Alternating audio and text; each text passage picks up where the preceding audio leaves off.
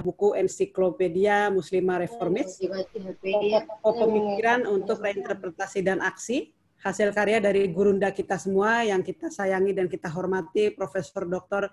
Siti Musda Mulia. Acara ini dapat terselenggara berkat kerjasama dari penerbit baca, Muslimah Reformist Foundation, Sisters in Islam, dan Women and Law in Islam atau WALI, Singapura, dengan media partner ikro.id. Terutama saya ucapkan selamat datang kepada Ibu Anisha Hasan Sihab dari penerbit baca, Mbak Amna dari Muslimah Reformist Foundation, Bapak Imran Taib dari Wali, dan Mbak Ira dari Ikro ID. Sebelum memulai acara, izinkan saya share screen untuk tata, tata tertib Zoom pada pagi hari ini.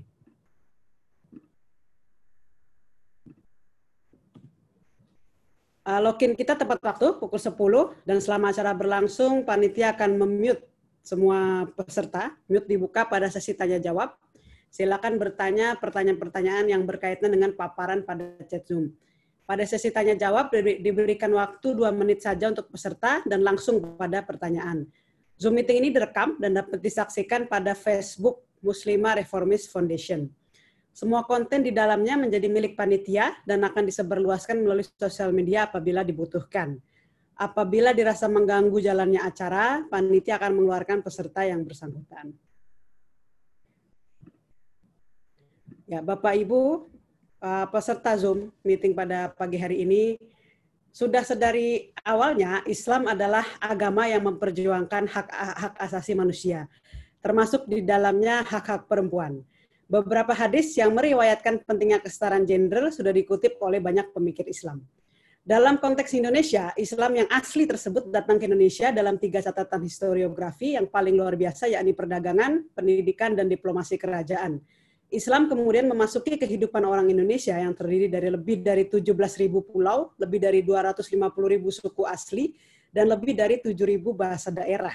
Di tengah-tengah keragaman itu, Islam berhasil mendapatkan banyak pengikut di Indonesia dan menjadi agama mayoritas yang diakui oleh negara.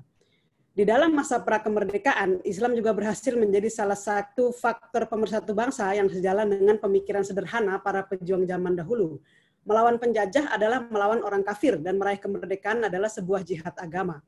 Keberhasilan tersebut tentu tidak lepas dari para perempuan bangsa yang dengan setia menemani para suaminya dalam berjuang. Para perempuan ini bisa saja nenek buyut kita, nenek kita, ibu kita, tante kita, atau bahkan tetangga kita yang sudah uh, sepuh. Apresiasi setinggi-tingginya juga kepada semua perempuan yang hadir pada Zoom meeting pada pagi hari ini, entah sambil memasak, sambil mengurus anak, ataupun sambil bekerja semangat membumikan Islam dalam kaitannya dengan perjuangan perempuan tentu harus senantiasa diingat dalam bingkai nasionalisme, apalagi Indonesia bertekad menjadi negara maju pada tahun 2045. Di dalam cita-cita memajukan negara, artinya negara harus punya tekad memajukan perempuan. Menjadi sebuah tamparan keras bagi kita semua ketika terjadi proses radikalisasi agama yang melibatkan perempuan. Kita perlu ingat bahwa perempuan adalah tiang negara, ketika pemikiran dan tindakan kaum perempuan Indonesia berhasil dikuasai oleh kaum radikalis, maka kita berhak khawatir akan pertahanan negara kita. Oleh sebab itu, Zoom meeting pada hari ini adalah sebuah diskusi serius. Membahas perempuan bukan berarti menjadi feminis dan urusan perempuan bukan sekedar dapur, sumur, dan kasur. Buku Prof. Siti Musdah Mulia, Ensiklopedia Muslimah Reformis, menjelaskan beberapa bab khusus untuk mengkaji hal tersebut. Untuk membahas buku ini secara lebih mendalam, terutama mengkaitkannya dengan isu gender dan perempuan, di tengah-tengah kita sudah hadir empat narasumber dari negara-negara uh, Indonesia, Malaysia, dan Singapura atau sering disebut Growth Triangle, yaitu Ibu Rosana Isa dari Malaysia, Profesor Masna Muhammad dari Singapura, Ustadz Ulil Absar Abdallah, dan Profesor Dr. Siti Musdamalia dari Mulia dari Indonesia. Untuk masing-masing paparan narasumber adalah sekitar 15 menit, dan untuk paparan pertama adalah Ibu Rosana Isa dari Malaysia. Uh, sebelum saya memulai bacakan mini biografi beliau, saya mengucapkan selamat Hari Malaysia 16 September kepada Ibu Rosana Isa dan teman-teman Malaysia yang mungkin mendengar uh, Zoom kita pada pagi hari ini. Baik, Ibu Rosana Isa memegang bachelor degree dari Sheffield Hallam University dan sekarang bekerja sebagai eksekutif direktur di Sisters in Islam semenjak tahun 2016. Beliau adalah pemerhati isu hak-hak asasi perempuan, terutama dalam konteks ketika agama Islam menjadi mayoritas. Dalam banyak tulisannya, beliau memperjuangkan interpretasi progresif atas Islam yang berlandaskan pada prinsip-prinsip kebebasan, keadilan, dan persamaan hak. Oleh sebab itu, saya persilahkan kepada Ibu Rosana untuk memaparkan paparannya selama 15 menit. Silahkan Ibu. Terima kasih Jin uh, dan uh, Assalamualaikum kepada semua uh, peserta dan juga narasumber yang menuruti uh, bedah buku internasional kita pada pagi ini.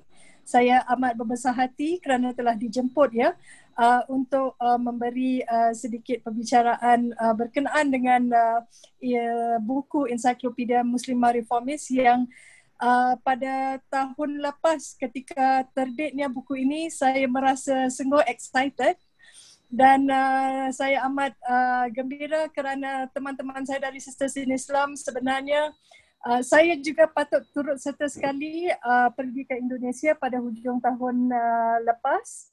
Uh, tetapi rezekinya saya tidak ada uh, untuk uh, berjumpa dengan uh, Ibu Musdab Mulia Uh, tetapi saya telah mendapatkan um, uh, ensiklopedia ini dan ia merupakan satu uh, bahan bacaan dan rujukan yang sangat berharga uh, buat saya sebagai seorang aktivis muslimah uh, dan juga feminis. Saya rasa uh, sebenarnya ini mungkin pertama kali saya memanggil diri saya sebagai uh, muslimah walaupun saya lahirnya uh, seorang muslim.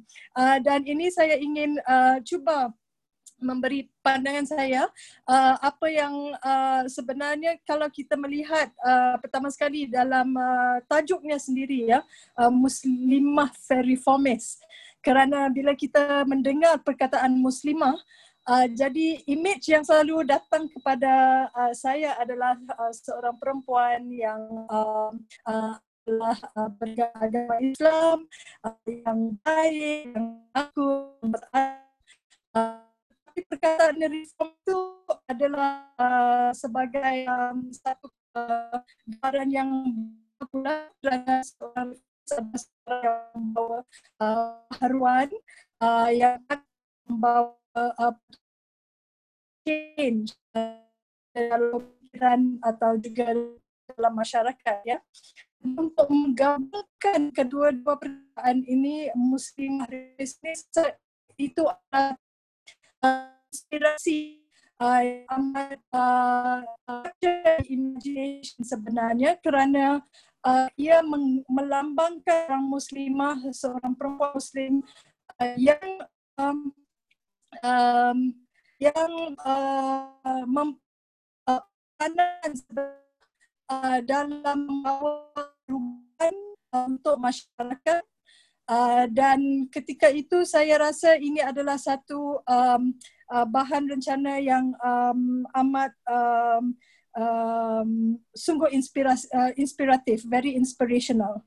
Uh, dan apa yang uh, uh, saya amat tertarik juga kepada um, uh, buku ini kerana ia seakan-akan uh, membawa kepada peran sisters in Islam di dalam masyarakat juga. Uh, kerana sisters in Islam yang telah uh, di uh, uh, founded ya uh, telah di uh, uh, uh, di, di, dibina sebagai uh, sebuah organisasi lebih 30 tahun yang lepas.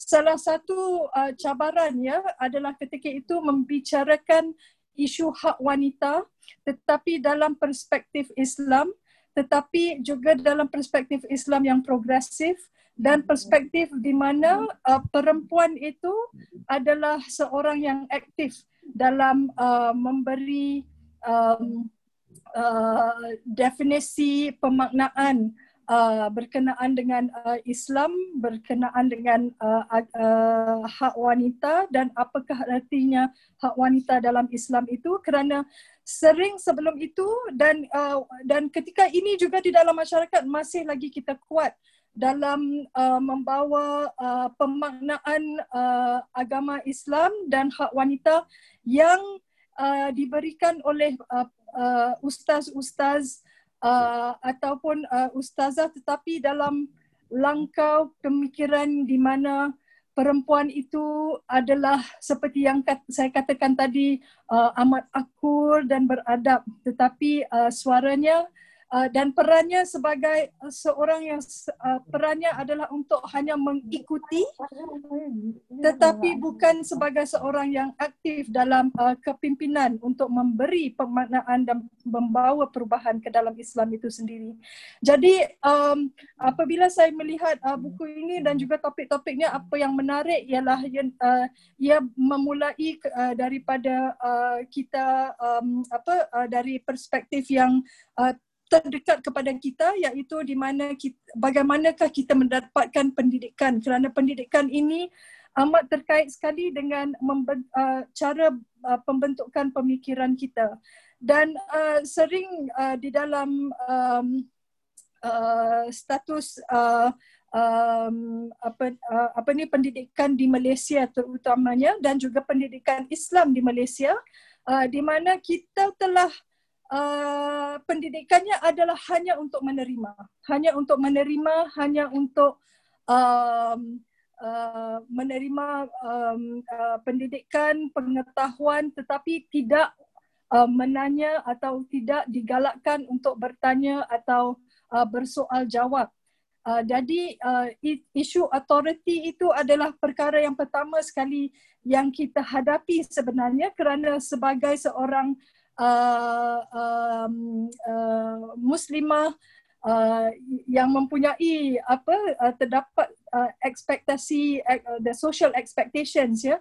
Bagaimana seorang perempuan harus uh, uh, behave uh, um, uh, ber, ber uh, apa ni hidupnya kehidupannya hanya untuk mengikut dan uh, menjadi akur dan sebagainya. Jadi isu authority itu adalah pertama sekali yang saya lihat kita harus um, hadapi dan di sinilah uh, di mana uh, ibu uh, profesor Dr Musda Mulia telah uh, membawa kita supaya menggalakkan kita pertama sekali membawa kepada pentingnya pendidikan yang uh, mempunyai ya, menggalakkan kita untuk bertanya dan menggalakkan kita untuk berfikiran kritis. Dan buku ini juga amat penting kerana ia melangkaui ya uh, kerana sebagai seorang aktivis uh, bukan saja uh, uh, melihat kepada uh, Uh, penterjemahan dan juga pemaknaan dan interpretasi ber, uh, berkenaan dengan Islam. Tetapi bagaimana uh, se, se, uh, kita juga uh, membawa perubahan kepada uh, dasar-dasar dan juga undang-undang yang akan um, uh, me, me, me, mengkedepankan uh, hak wanita atau seorang wanita itu sebagai seorang yang uh, sama dengan uh, lelaki. Kerana kebiasaannya memang kita pemahaman kita uh, di dalam Islam terutama sekali uh, terlalu di overshadow oleh um, um, pemaknaan dalam ayat uh, 434 itu 434 di mana um, Uh, lelaki itu adalah pemimpin kepada perempuan uh, dan perempuan harus uh, menjadi orang yang uh, obedient dan uh, uh, ber, uh, ber, ber, mengikuti um, um, uh, kata-kata ataupun uh, keputusan suami dalam, dalam keluarga. Jadi uh, salah satu uh, isu yang Sisters in Islam uh, telah uh, terpaksa um, menghadapi ya ketika uh, ianya di uh, uh, uh, 30 tahun yang lepas ialah isu berkenaan dengan domestic violence. Jadi apa yang menarik ialah walaupun kita telah mempunyai aktivisme dalam isu keganasan terhadap perempuan ini sudah 30 tahun, uh, kita telah mempunyai juga uh, uh, undang-undang yang memberi perlindungan kepada perempuan, uh, tetapi Uh, kita juga tidak boleh berhenti di situ di mana kita mengharapkan undang-undang um, melindungi perempuan dan habis peran kita di situ saja. Kerana kita juga mempunyai peran sebagai aktivis untuk terus uh, memastikan bahawa dasar-dasar dan undang-undang itu uh, bekerja untuk perempuan. Dan uh, apakah um, uh, apa ni um, uh, uh, uh, mekanisme uh, di dalam negara dan juga mekanisme uh, international yang harus diambil kira oleh negara dan juga para aktivis untuk memastikan negara kita uh, melakukan ya state obligation terhadap uh, melaksanakan um, uh, um, uh, perjanjian-perjanjian tersebut. Jadi di dalam ensiklopedia ini amat berharga sekali kerana ia melangkaui uh, uh, peran perempuan sebagai seorang muslimah sebagai se- seorang muslimah reformis dari membawa perubahan kepada dirinya sendiri kepada masyarakat kepada pemaknaan dan pengertian dan interpretasi uh, ayat-ayat Al-Quran dan hadis dan fiqh dalam uh, pelbagai isu yang kaitan berkaitan dengan kita uh, dalam um, uh, setiap hari. Juga langsung kepada kepentingan apakah uh, mekanisme uh, antarabangsa yang kita juga harus dan perlu ambil tahu supaya kita boleh memastikan supaya pemerintah dan kerajaan kita um, Uh, melakukan yang terbaiknya untuk menegakkan hak perempuan uh, di dalam negara. Jadi um, apa lagi yang saya ingin katakan um, uh, saya juga amat meminati buku ini sekali kerana ia amat mengkedepankan um, apa ini um, peran perempuan dari segi participation dari uh, seluruh peringkat ini uh, yang berkaitan dengan isu-isu seharian kita. Uh, dan juga ia sedikit sebanyak juga menginterogasi uh, apa itu notion of justice. Apakah artinya keadilan itu kepada kita dan bagaimana kita sebagai muslimah reformis mempunyai peran untuk memberi makna kepada uh, apakah itu keadilan dan juga bagaimana kita mempunyai peran untuk menghidupkan keadilan itu uh, di dalam negara dan juga um, uh, menggunakan mekanisme antarabangsa. Um, jadi apa lagi? Uh, jadi buat saya, saya mengangkat buku ini adalah uh, buku yang amat penting juga kerana dalam bahasanya adalah dalam bahasa um, Nusantara kita, bahasa Melayu. Uh, kerana saya rasa tidak banyak juga uh, buku-buku yang dilahirkan terutama sekali um, uh, yang amat mengangkat sekali perempuan muslimah sebagai seorang reformis. Dan uh, ini adalah rujukan yang penting sekali untuk uh, menggalakkan perempuan-perempuan uh, muslimah dan sebagainya supaya mereka uh, keluar dari langkau Uh, dan pemahaman uh, lebih daripada sebagai perempuan yang uh, baik, akur dan beradab uh, itu. Ini tidak bermakna uh, reformis itu adalah um, um, tidak beradab dan tidak semestinya akur atau dan tidak baik. Tetapi um, saya rasa uh, pemikiran reformis itu adalah amat penting uh, kerana ia ter- terus menggalakkan uh, peran kita sebagai perempuan sebagai subjek yang boleh membawa perbezaan bukan sahaja kepada diri kita sendiri tetapi keluarga kita masyarakat dan juga di peringkat uh, negara. Um, jadi saya akhiri di sini dahulu uh, untuk uh, mendengar juga uh, pendapat dan uh, uh, kupasan daripada uh, ahli narasumber yang lain dan saya harap uh, sedikit sebanyak uh, apa yang telah saya sampaikan uh, memberi uh, sedikit buah fikiran kepada peserta uh, dan saya uh, amat uh, melaung, uh, meng, meng, uh, melaungkan uh, soalan-soalan uh, yang akan uh, para peserta uh, hadapankan selepas ini. Terima kasih. Terima kasih banyak Ibu Rosana Isa, waktunya pas 15 menit. Uh, beberapa hal yang dapat saya ringkas yaitu pertama-tama kata reformis itu amat penting ya bagi sister Islam dalam perannya di masyarakat. Kemudian buku ini amat berdampak bagi pribadinya Ibu Rosana Isa maupun juga bagi masyarakat.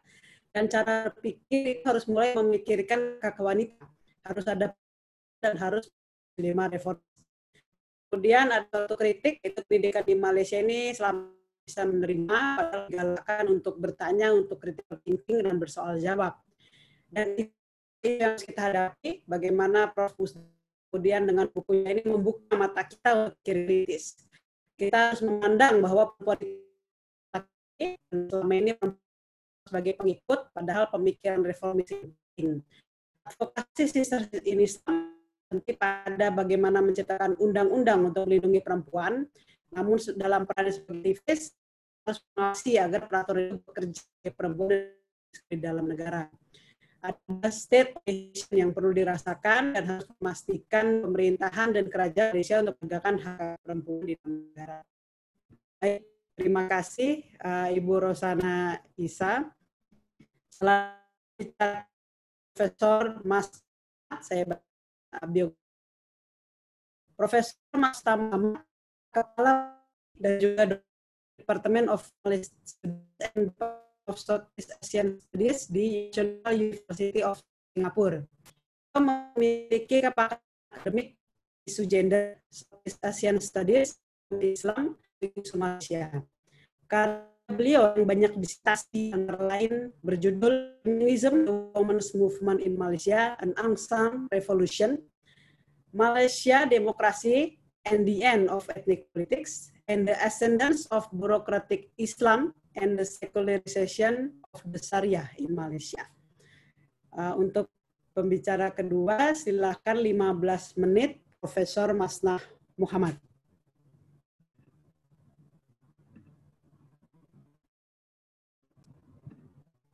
Saya coba unmute, Prof.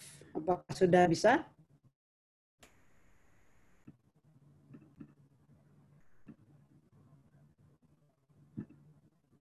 Ya, Prof. Masnah sudah. Oke, okay, is it okay? Ya, Boleh? baik Prof. Silakan Prof. Ya. Okay, okay, sorry, sorry maaf kerana internet connection ada ya, masalah di sini. Uh, tapi uh, saya ucapkan uh, Assalamualaikum ya, dan selamat pagi kepada semua hadirin dan peserta dalam sesi ini. Uh, saya ucapkan terima kasih kepada pihak penganjur di atas jemputan ini. Uh, saya amat berbesar hati dan berasa terhormat uh, untuk membedah atau mengulas uh, buku tulisan uh, Profesor Muzda. Uh, saya mulakan dengan ucapan tahniah kepada Profesor uh, Muzda Mulia di atas uh, penerbitan buku beliau uh, dalam bentuk ensiklopedia berjumlah hampir uh, 900 uh, halaman yang uh, amat mengagumkan, menarik dan uh, relevan sekali bagi para ilmuwan, uh, aktivis, uh, pelajar dan masyarakat keseluruhannya.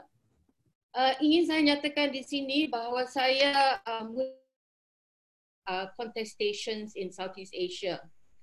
Uh, Profesor Muzda menyumbang sebuah bab atau chapter dalam buku ini.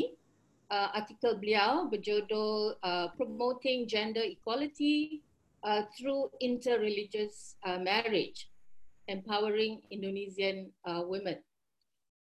Uh, melalui tulisan ini, saya telah pertama kali dikenalkan kepada usaha beliau uh, dalam mengasaskan CLD atau Counter Legal Draft uh, terhadap kompilasi hukum Islam ya, atau KHI di Indonesia. Uh, CLD uh, yang diasaskan oleh Profesor uh, Muzda adalah kod mengikut ensiklopedia ini adalah berdasarkan prinsip-prinsip uh, dasar ajaran Islam yang amat menghargai nilai-nilai kemanusiaan uh, seperti keadilan, uh, kemaslahatan dan kesetaraan, khususnya kesetaraan laki-laki dan perempuan. Ya, unquote. Jadi bagi saya dengan terbitnya ensiklopedia ini, ya, ide-ide beliau kini dikumpulkan dalam satu volume uh, yang mudah diakses oleh pembaca dan juga pengamal uh, transformasi uh, sosial. Uh, saya amat kagum dengan usaha Profesor Muzda ya, yang terus gigih dan konsisten uh, dalam memperjuangkan ide dan prinsip yang mula diketengahkan uh, oleh beliau pada awal tahun uh, 2000 uh, metod beliau untuk terus mereformasikan pemikiran dan amalan masyarakat Islam pentingnya adalah berdasarkan tafsiran ya Al-Quran, uh, hadis dan sunnah uh, melalui metod yang tertentu. Uh, metod ini menilai dan mentafsirkan erti ayat-ayat uh, secara menyeluruh dan bersesuaian dengan uh, realiti semasa.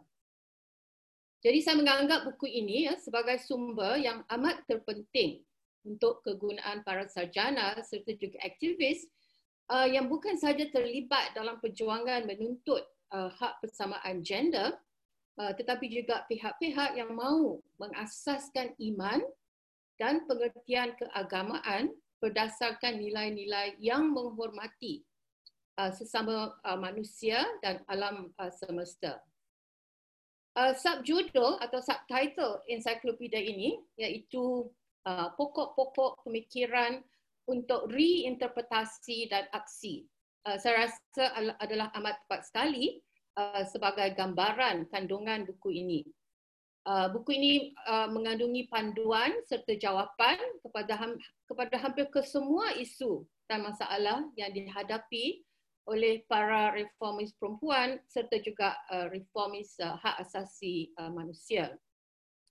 Uh, buku ini amat tebal ya kita tahu ia mengandungi mengandungi 16 bab dan merangkumi tajuk daripada pendidikan sehinggalah uh, uh, dakwah transformatif.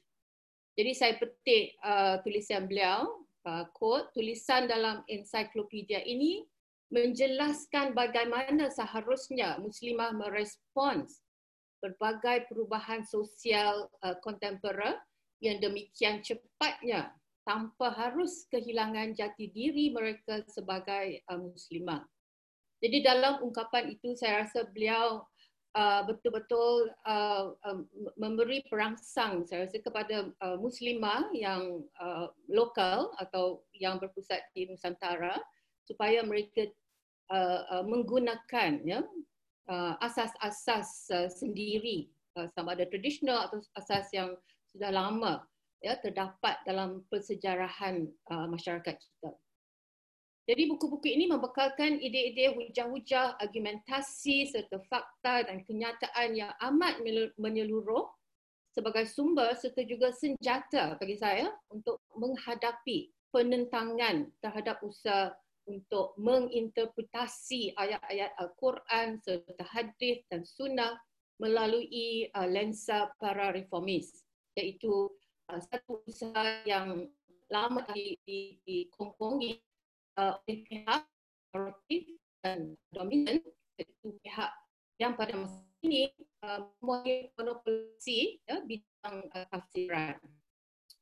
Buku telah menerangkan bahawa terdapat beberapa asas ya, bagi saya bagi menarik bagi asas atau ilmu uh, ilmu dan teks dalam Islam.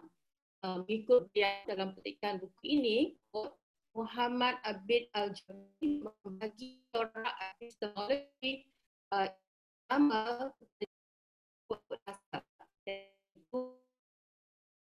bayani uh, burhani. Ini di muka surat uh, mengikut kesemusta uh, teks.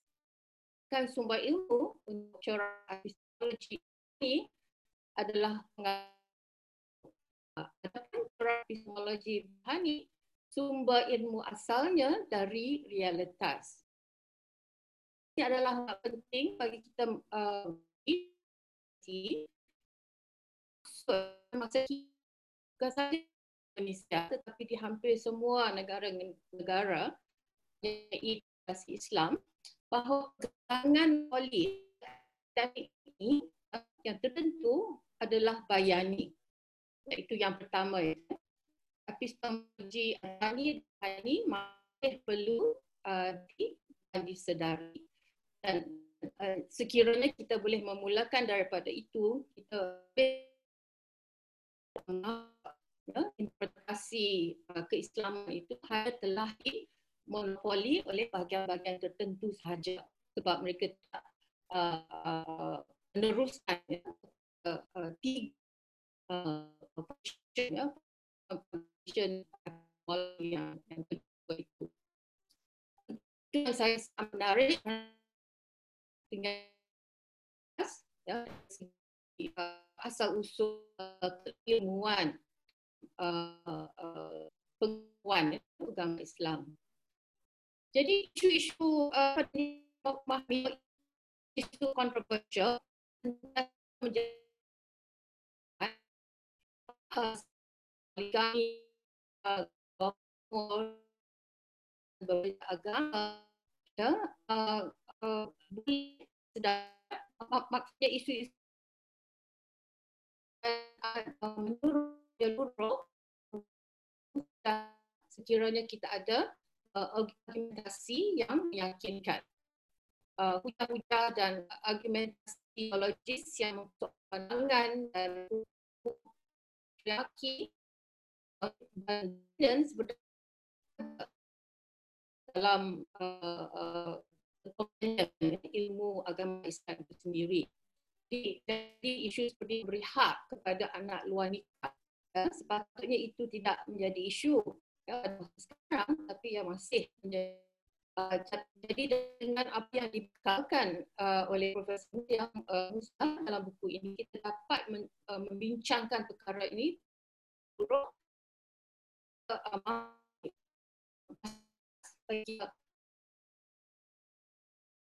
masa kini yang masih ya, tidak memberi hak kepada dalam ya, uh, uh, hasil daripada uh, hubungan luar. Uh, sepatutnya kita harus uh, betul uh, advance ya. Jadi saya amat menyokong uh, tujuan beliau untuk quote lagi sekali ya mewujudkan insan-insan bermoral atau uh, berakhlak karimah melalui penegakan nilai-nilai keadilan, kesetaraan, kedamaian dan kemaslahatan. Beliau uh, merujuk kepada hadis Rasul yang amat terkenal yang bersabda bahawa bagi, bahawa baginda sebenarnya diutus semata-mata untuk memperbaiki moral manusia. Ini bermaksud bahawa tidak salah jika gerakan perbaikan uh, moral merupakan ikon perjuangan Rasul sejak awal uh, lagi. Jadi saya kita harus kembali uh, kepada asas itu. Uh, saya mengakhiri pengulasan ini cuma dengan memberi dua cadangan ya, untuk memperkembangkan lagi penyebaran ensiklopedia ini iaitu pertama oleh kerana ia adalah sebuah ensiklopedia uh, mungkin elok dalam penerbitan bersusulan uh, untuk dimuatkan indeks ya, yang lebih menyeluruh. Uh, sebab indeks saya rasa tidak begitu menyeluruh. Lebih menyeluruh kerana ia boleh memudahkan kerja rujukan. Uh, misalnya sekiranya saya, sekiranya saya ingin mengetahui apakah ayat Al-Quran atau hadis yang boleh digunakan dalam uh, kempen anti uh, perkahwinan kanak-kanak atau underage marriage. Jadi saya boleh terus uh, ke halaman-halaman uh, tentu, tertentu. Uh, jadi jadi buku ini oleh kerana ia amat berguna bagi tujuan seperti, itu, panduan yang lebih um, menyeluruh uh, sistematik user friendly bila, kita katakan reader friendly mungkin boleh dimuatkan dalam naskah-naskah yang seterusnya. Uh, cadangan kedua saya ialah saya uh, ingin uh, mencadangkan supaya ensiklopedia ini diterjemahkan dalam bahasa-bahasa lain ya bermula dengan bahasa Inggeris. Uh, buku ini amat berguna saya rasa bagi masyarakat luas uh, seantara bangsa untuk mengetahui bahawa Islam sebenarnya lengkap dengan cara dan metod tersendiri untuk memperjuangkan demokrasi, hak asasi dan kesaksamaan gender. Jadi satu sumbangan buku ini ialah uh, menegaskan bahawa uh, semua uh, perjuangan ini bukanlah datangnya daripada barat tapi juga terkandung uh, dalam uh, uh, sifat atau atau nilai ya, agama Islam itu uh, sendiri. Awas kenapa kak? Ya, saya mengakhiri ulasan ini dengan Sudah, tapi ya nggak tahulah versi dia. Sorry. Uh, saya mengakhiri ulasan ini dengan sekali lagi mengucapkan setinggi-tinggi tahniah kepada usaha gigih dan mengagungkan Profesor Musda uh, Mulia dalam menerbitkan uh, buku yang terpenting sekali baik bagi kaum muslimah Uh, dalam perjuangan mereka untuk menegakkan uh, nilai-nilai kemanusiaan yang adil, saksama dan damai. Sekian, terima kasih. Baik, terima kasih banyak Prof. Musna uh, binti Muhammad dari uh, National University of Singapore. Saya ingatkan kembali uh, para peserta untuk memute ya, memute ketika pembicara memberikan paparannya. Uh, izin saya uh, share screen untuk ringkasan dari Prof. Masna Muhammad. Pertama-tama, buku ini amat menarik, mengagumkan dan penting bagi, bagi pelajar, akademisi, aktivis, dan masyarakat. Prof. Masna mulai mengenal Prof. Musda semenjak bertemu di NUS dan terbitnya edisi pertama tahun 2009. Dan kagum akan Prof. Musda yang selalu konsisten dalam memperjuangkan ide-ide kesetaraan gender, persamaan hak, keadilan, dan kemaslahatan. Buku ini amat penting karena telah melakukan interpretasi dan aksi dan menjadi senjata bagi mereka yang menafsirkan Al-Quran secara reformis, sebab banyak pihak yang kemudian memanipulasi tafsiran. Buku ini juga sah dijadikan metode ataupun asas epistemologi dalam menafsir Islam, dan mengupas usul-usul keilmuan uh, inti agama Islam juga memiliki argumentasi yang meyakinkan dalam membahas isu-isu kontroversial. Misalnya poligami, nikah siri, perkawinan anak. Melalui buku ini kita dapat membincangkan Islam dengan menyeluruh dan mengkritisi peraturan-peraturan syariah yang masih ada dan masih tidak adil bagi perempuan. Prof. Masna amat mendukung ini dan perlu dikembangkan lagi ada dua usulan. Pertama-tama adalah adanya indeks dan panduan yang lebih menyeluruh, sistematis dan user friendly. Kemudian masukan yang kedua adalah bisa diterjemahkan ke berbagai bahasa, pertama bahasa Inggris, agar bangsa lain mengetahui bahwa Islam itu berjuang juga untuk demokrasi. Jadi demokrasi bukan hanya perjuangan Barat. Baik, terima kasih Prof. Masna. Uh, selanjutnya sudah hadir di tengah-tengah kita Pembicara ketiga Ustadz Ulil Absar Abdallah. Selamat datang Pak Ustadz Ulil. Ah, saya sebelum paparan Pak Ustadz, saya bacakan biografi singkat beliau. Ustadz Ulil Absar Abdallah memiliki latar belakang pendidikan ilmu syariah dari Lembaga Ilmu Pengetahuan Islam dan Arab atau LIPIA, STF dari Arkara, Master Degree dari Ilmu Agama Boston University, dan PhD dari Department of Near Eastern Languages and Civilizations Harvard University. Beliau adalah pemikir Islam yang terafiliasi dengan Indonesian Conference on Religion and Peace atau ICRP Indonesia dan Jaringan Islam Liberal. Saat ini beliau mengasuh pesantren virtual Ngaji Ihya. Oleh sebab itu, uh, tanpa berlama-lama, kita dengarkan uh, pandangan dan pemikiran Ustadz Ulil. Silahkan Pak Ustadz Ulil.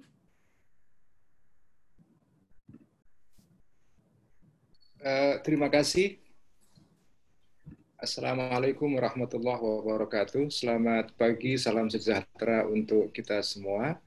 Uh, yang terhormat kepada Ibu Rosana Isa dari Sister in Islam, uh, Profesor Masna Muhammad dari uh, Singapura, kemudian Profesor Musda Mulia sebagai pengarang buku yang sedang kita diskusikan pada pagi hari ini, uh, Mbak Jin sebagai uh, moderator. Pertama-tama saya uh, berterima kasih karena diberikan kesempatan untuk mengulas buku ini. Yang kedua, saya memberikan apresiasi yang sangat tinggi sekali kepada penerbitan buku ini karena saya rasa Eh, buku ini merangkum secara komprehensif hampir semua gagasan-gagasan Profesor Musda Mulia di dalam berbagai isu yang selama ini menjadi concern eh, dia dalam eh, perjuangan dan aktivisme di Indonesia selama berpuluh-puluh tahun. Jadi ini semacam karya lengkap atau tulisan lengkap yang memuat Eh, pokok-pokok gagasan uh, Profesor Musda Mulia. Dan dengan hadirnya buku ini, menurut saya Ibu Musda sudah memberikan kontribusi yang penting sekali di dalam uh, mengembangkan gagasan-gagasan Islam reformis di Indonesia. Saya tidak akan membahas secara detail isi buku ini, tetapi saya akan mendekati buku ini dari arah yang lain uh, perkenankan saya akan uh, saya bisa diizinkan untuk men-share screen ya oleh via moderator ya atau oleh host ya. Silakan host untuk mengizinkan Pak Ustadz Ulil share screen sudah bisa?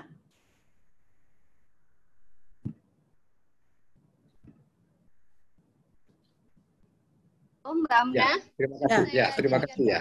ya. Oke. Okay. Uh, saya akan uh, berbicara berdasarkan beberapa poin yang akan saya tampilkan dalam screen ini ya. Pertama adalah ini menurut saya pertanyaan yang harus kita renungkan dan saya tidak tidak yakin bahwa jawabannya adalah uh, apa itu uh, ya secara keseluruhan atau tidak secara keseluruhan ya. Uh, mungkin masing-masing orang punya jawabannya sendiri. pertanyaannya adalah bahwa apakah mungkin seorang Muslim menjadi seorang Muslim yang secara otentik dia taat kepada tradisi, committed kepada tradisi dalam pengertian tradisi Islam di sini, tradisi dengan T besar, tetapi juga sekaligus kritis kepada tradisi itu. Saya kira ini pertanyaan yang dihadapi oleh eh, banyak umat Islam dan aktivis Muslim, intelektual Muslim. Ada orang-orang yang ragu-ragu menjawab pertanyaan ini karena Eh, mereka punya semacam ketakutan ya jika memberikan jawaban ya ya karena atau resounding yes karena mungkin mereka takut jika melakukan kritik atas tradisi akan dianggap sebagai orang yang telah sesat atau keluar dari Islam itu ya. Jadi ini pertanyaan yang saya kira uh, menghantui banyak orang dalam dunia modern dalam perkembangan sekarang ini dalam perkembangan Islam akhir-akhir ini. Jadi apakah mungkin kita menjadi seorang muslim? Apakah kita bisa mencintai Islam dan tradisi Islam tapi juga sekaligus kita kritis kepada tradisi itu? Atau atau dengan kata lain apakah kita bisa mencintai tradisi Islam secara ya, critical love ya? Uh, Oke, okay. jawaban saya adalah bisa. Ya, saya menjawab bahwa kita mungkin menjadi seorang Muslim atau Muslimah yang mencintai tradisi Islam, mencintai al-khitab ad-dini atau wacana agama. Jadi kalau mengikuti pemikirannya Profesor Nasr Hamid Abu Zaid, kita memisahkan antara ad-din, agama dengan al-khitab ad-dini atau diskursus agama. Antara religion and a discourse on religion uh, agama itu bersifat uh, absolut, mutlak, tetapi wacana agama adalah merupakan produk uh, manusia yang dilahirkan dari suatu konteks yang spesifik. Karena itu mencintai Islam tapi juga sekaligus uh, kritis kepada kepada diskursus atau wacana mengenai Islam atau pemikiran Islam atau tradisi Islam itu sangat mungkin dan bahkan menurut saya adalah suatu keharusan uh, pada saat sekarang. Nah, ini sebetulnya apa yang dilakukan oleh Ibu Musda Mulia melalui bukunya yang tebal ini ya, sekitar 850 halaman, ini sebetulnya adalah suatu contoh, suatu uh, petunjuk yang sangat jelas sekali bahwa pertanyaan tadi itu itu bisa dijawab dengan iya bisa dijawab dengan resounding yes, dengan ya yang sangat meyakinkan, dan melalui buku ini sebetulnya Ibu Musda menunjukkan bahwa seorang Muslim itu bisa taat kepada Islam, tapi juga sekaligus berpikir kritis. Itu yang disebut oleh Bu Musda dalam halaman 627 dalam buku ini disebut sebagai tafsir humanis feminis. Jadi ini ini menurut saya buku ini penting karena menawarkan kemungkinan bagi seorang muslim dan muslimah untuk menjadi seorang yang traditionally committed tetapi juga sekaligus kritis kepada pemikiran-pemikiran dan tradisi-tradisi yang berkembang di dalam uh, sejarah Islam ya. Nah, bagi saya reformisme atau reformism atau islahiyah ya itu adalah adalah a form of commitment and criticism. Ya. Adalah sebentuk komitmen, adalah contoh kita committed kepada tradisi, tapi juga sekaligus kritis kepada tradisi. Jadi orang-orang seperti Ibu Musda Mulia adalah contoh yang baik tentang uh, komitmen dan tradisi itu. Uh, komitmen dan kritik ya. Kalau kita baca buku ini, Ibu Musda kelihatan sekali uh, cintanya kepada Islam, komitmennya kepada Islam dan saya kenal pribadi Ibu Musda lama sekali. Saya melihat dengan mata kepala saya sendiri Ibu Musda adalah seorang muslimah yang very committed in a very literal sense ya. Dalam pengertian ritual ibadah, dalam pengertian eh, tindakan-tindakan uh, uh, dia dan seterusnya. Saya tahu Ibu Musda rutin puasa Senin Kemis ya. Uh, tetapi dia juga punya pemikiran yang kritis uh, terhadap uh, tradisi Islam. Jadi buat saya uh, buku ini bagi saya penting karena memberikan contoh tentang kemungkinan kita beragama secara reformis. Ya. Uh, nah, tentu saja apa ya uh, menjadi Muslim itu bisa diterjemahkan dengan berbagai cara. Ada juga orang yang menjadi Muslim dengan dengan cara tradisional, ya, dalam pengertian taat kepada tradisi dan tidak tidak memiliki sikap yang kritis kepada tradisi itu saya kira sebagian besar orang Muslim.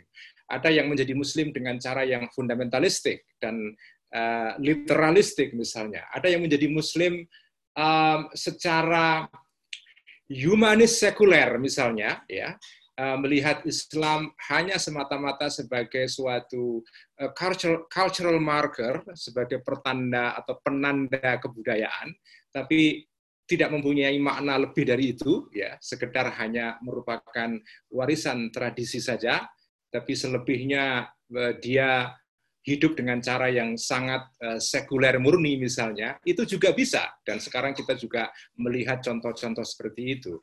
Saya secara pribadi lebih suka, lebih dekat dengan jalan yang ditempuh oleh Ibu Musda Mulia ini. Dan saya juga menjadi bagian dari gerakan Islam yang mengusulkan jalan seperti ini. Jalan yaitu jalan mencintai Islam tetapi juga sekaligus kritik kepa, kritis kepada tradisi pemikiran Islam itu.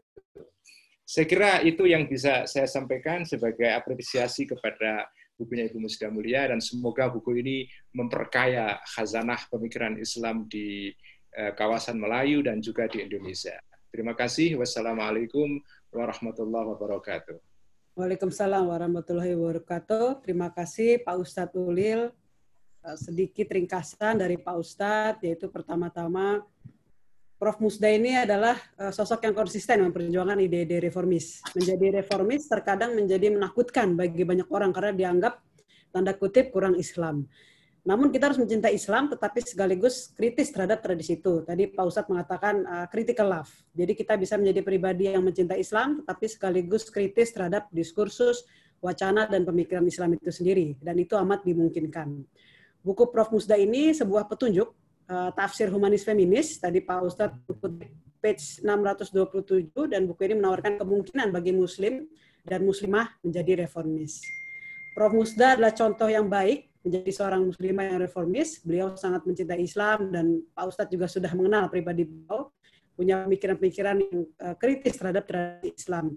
Buku ini juga memungkinkan kita bisa beragama secara reformis, perkaya kazanah Islam yang tadi disebut Pak Ustadz, dan menjadi muslim itu bisa bermacam-macam, bisa secara tradisi, literas, literalistik, fundamentalistik, humanis sekuler, atau yang menjadikan Islam sebagai penanda kebudayaan dan melalui buku ini memperkaya kazanah Islam itu sendiri. Terima kasih banyak Pak Ustadz. Berikutnya adalah uh, penulis buku ini, uh, buku tebal lebih 800 ya, 900 halaman ini, Profesor Dr. Siti Musdah Mulia. Profesor Dr. Siti Musdah Mulia adalah perempuan pertama peraih penghargaan doktor terbaik UIN Syarif Hidayatullah Jakarta dengan disertasinya berjudul Negara Islam, Pemikiran Politik Haikal. Dua tahun kemudian, LIPI mengukuhkannya sebagai profesor riset di Departemen Agama RI dengan pidato pengukuhan potret perempuan dalam lektur agama. Berbagai penghargaan telah diraih oleh beliau, antara lain tokoh tahun 2004 majalah Tempo, Yap Tim Human Rights Award 2008, dan International Woman of the Year 2009 dari Italia. Oleh sebab itu, uh, suatu kehormatan bagi kita semua di sini, penulis buku ini hadir dan akan Eh, membagikan pandangannya pada kita semua. Silahkan Profesor Dr. Siti Musdah Mulia. Terima kasih Mbak Jenny. Terima kasih sekali lagi. Uh, pertama-tama saya ingin menyapa dulu ya para narasumber kita yang hebat-hebat ini. Ada Ibu Rosana Isa dari Sister in Islam ya. Aduh, sudah lama sekali kita tidak ketemu ya. Mudah-mudahan setelah pandemi berakhir kita bisa bersu, bersu, bersua kembali dalam sebuah event menggembirakan seperti uh, beberapa waktu yang lalu. Juga kepada Profesor Masna ya, Masna Muhammad. Uh, sudah lama juga saya nggak ke Singapura. Pokoknya terakhir itu yang acara dihadiri oleh uh, Ibu Presiden ya. Mungkin waktu itu kita nggak sempat ketemu ya.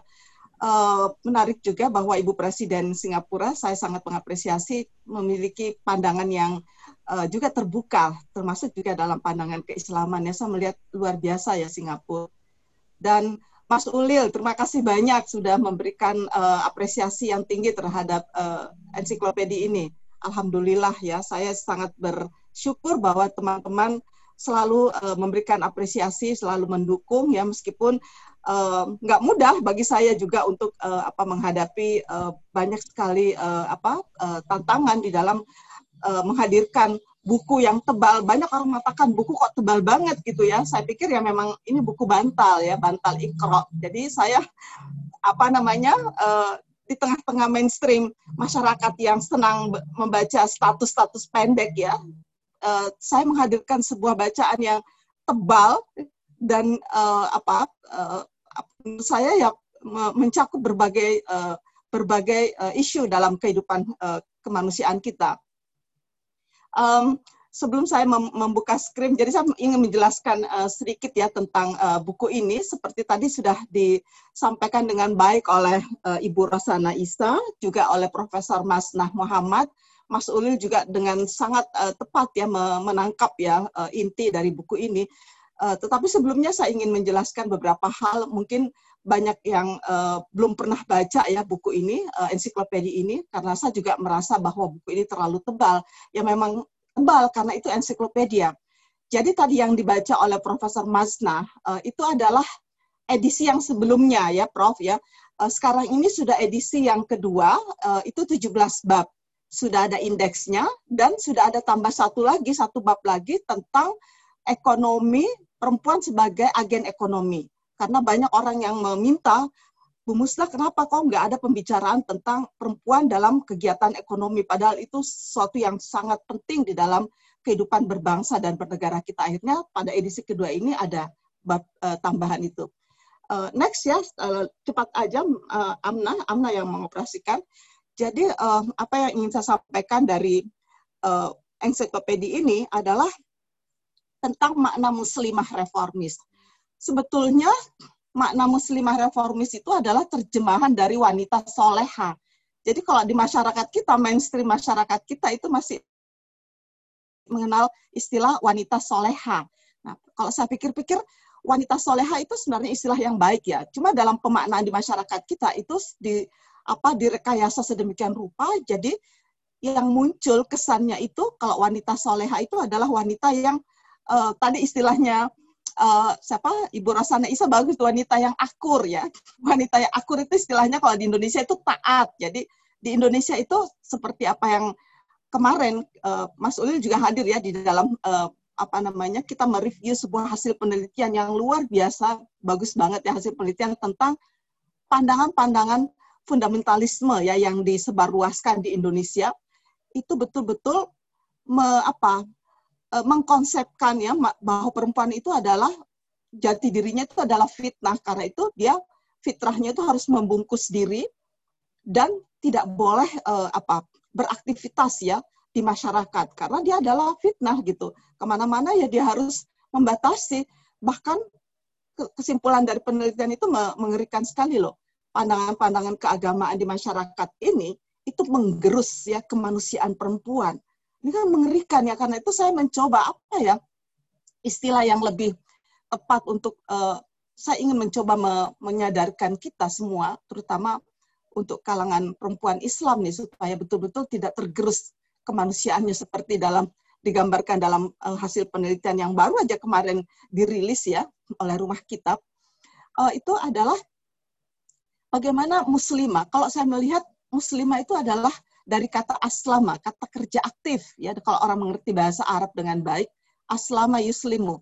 Karena itu menjadi muslim atau muslimah adalah menjadi aktif ya. Orang yang sepanjang hayatnya itu aktif. Aslama yuslimu itu aktif merajut damai, aktif membangun perdamaian.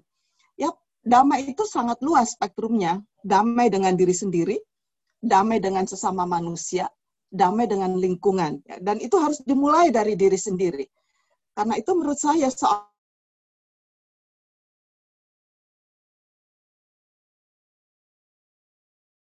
keselamatan dan kesejahteraan bukan hanya buat manusia tapi juga buat semua makhluk ya di alam semesta ini. Itulah konsep Islam yang rahmatan lil alamin.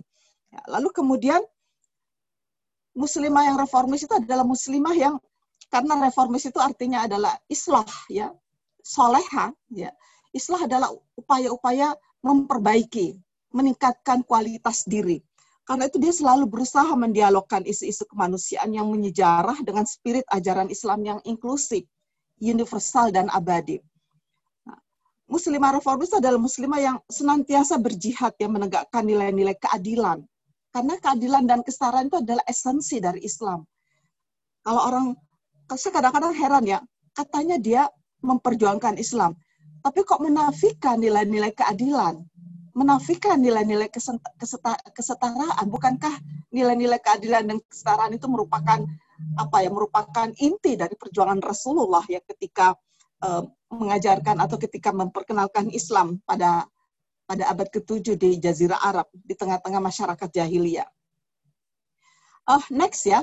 Nah, lalu lalu ke mana ya uh, apa uh, tauhid rujukan utama. Jadi banyak orang yang mengatakan apa sih landasan dari uh, muslimah reformis atau ensiklopedia yang tebal ini. Dari kalau Anda membaca buku saya, itu saya selalu memulai paradigmanya itu adalah dari tauhid. Karena bagi saya ini penting sekali buat umat Islam itu mengerti tauhid dengan benar apa sih tauhid itu?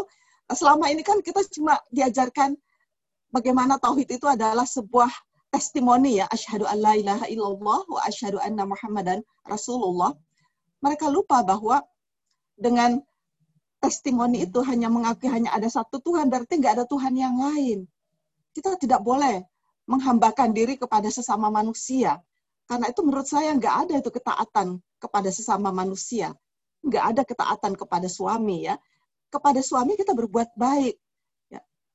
kepada kepada orang tua juga berbuat baik ya karena itu saya pikir bagaimana membangun ya eh, pandangan yang kritis tentang tauhid ini sehingga kita memahaminya dengan benar karena menurut saya kalau kita betul-betul memahami tauhid dengan benar kita itu akan sampai kepada uh, apa pemahaman uh, bertuhannya dengan benar dan berkemanusiaan dengan benar tauhid yang dihayati dan diamalkan secara benar itu akan membuat seseorang itu berjiwa merdeka karena nggak ada belenggu sama sekali.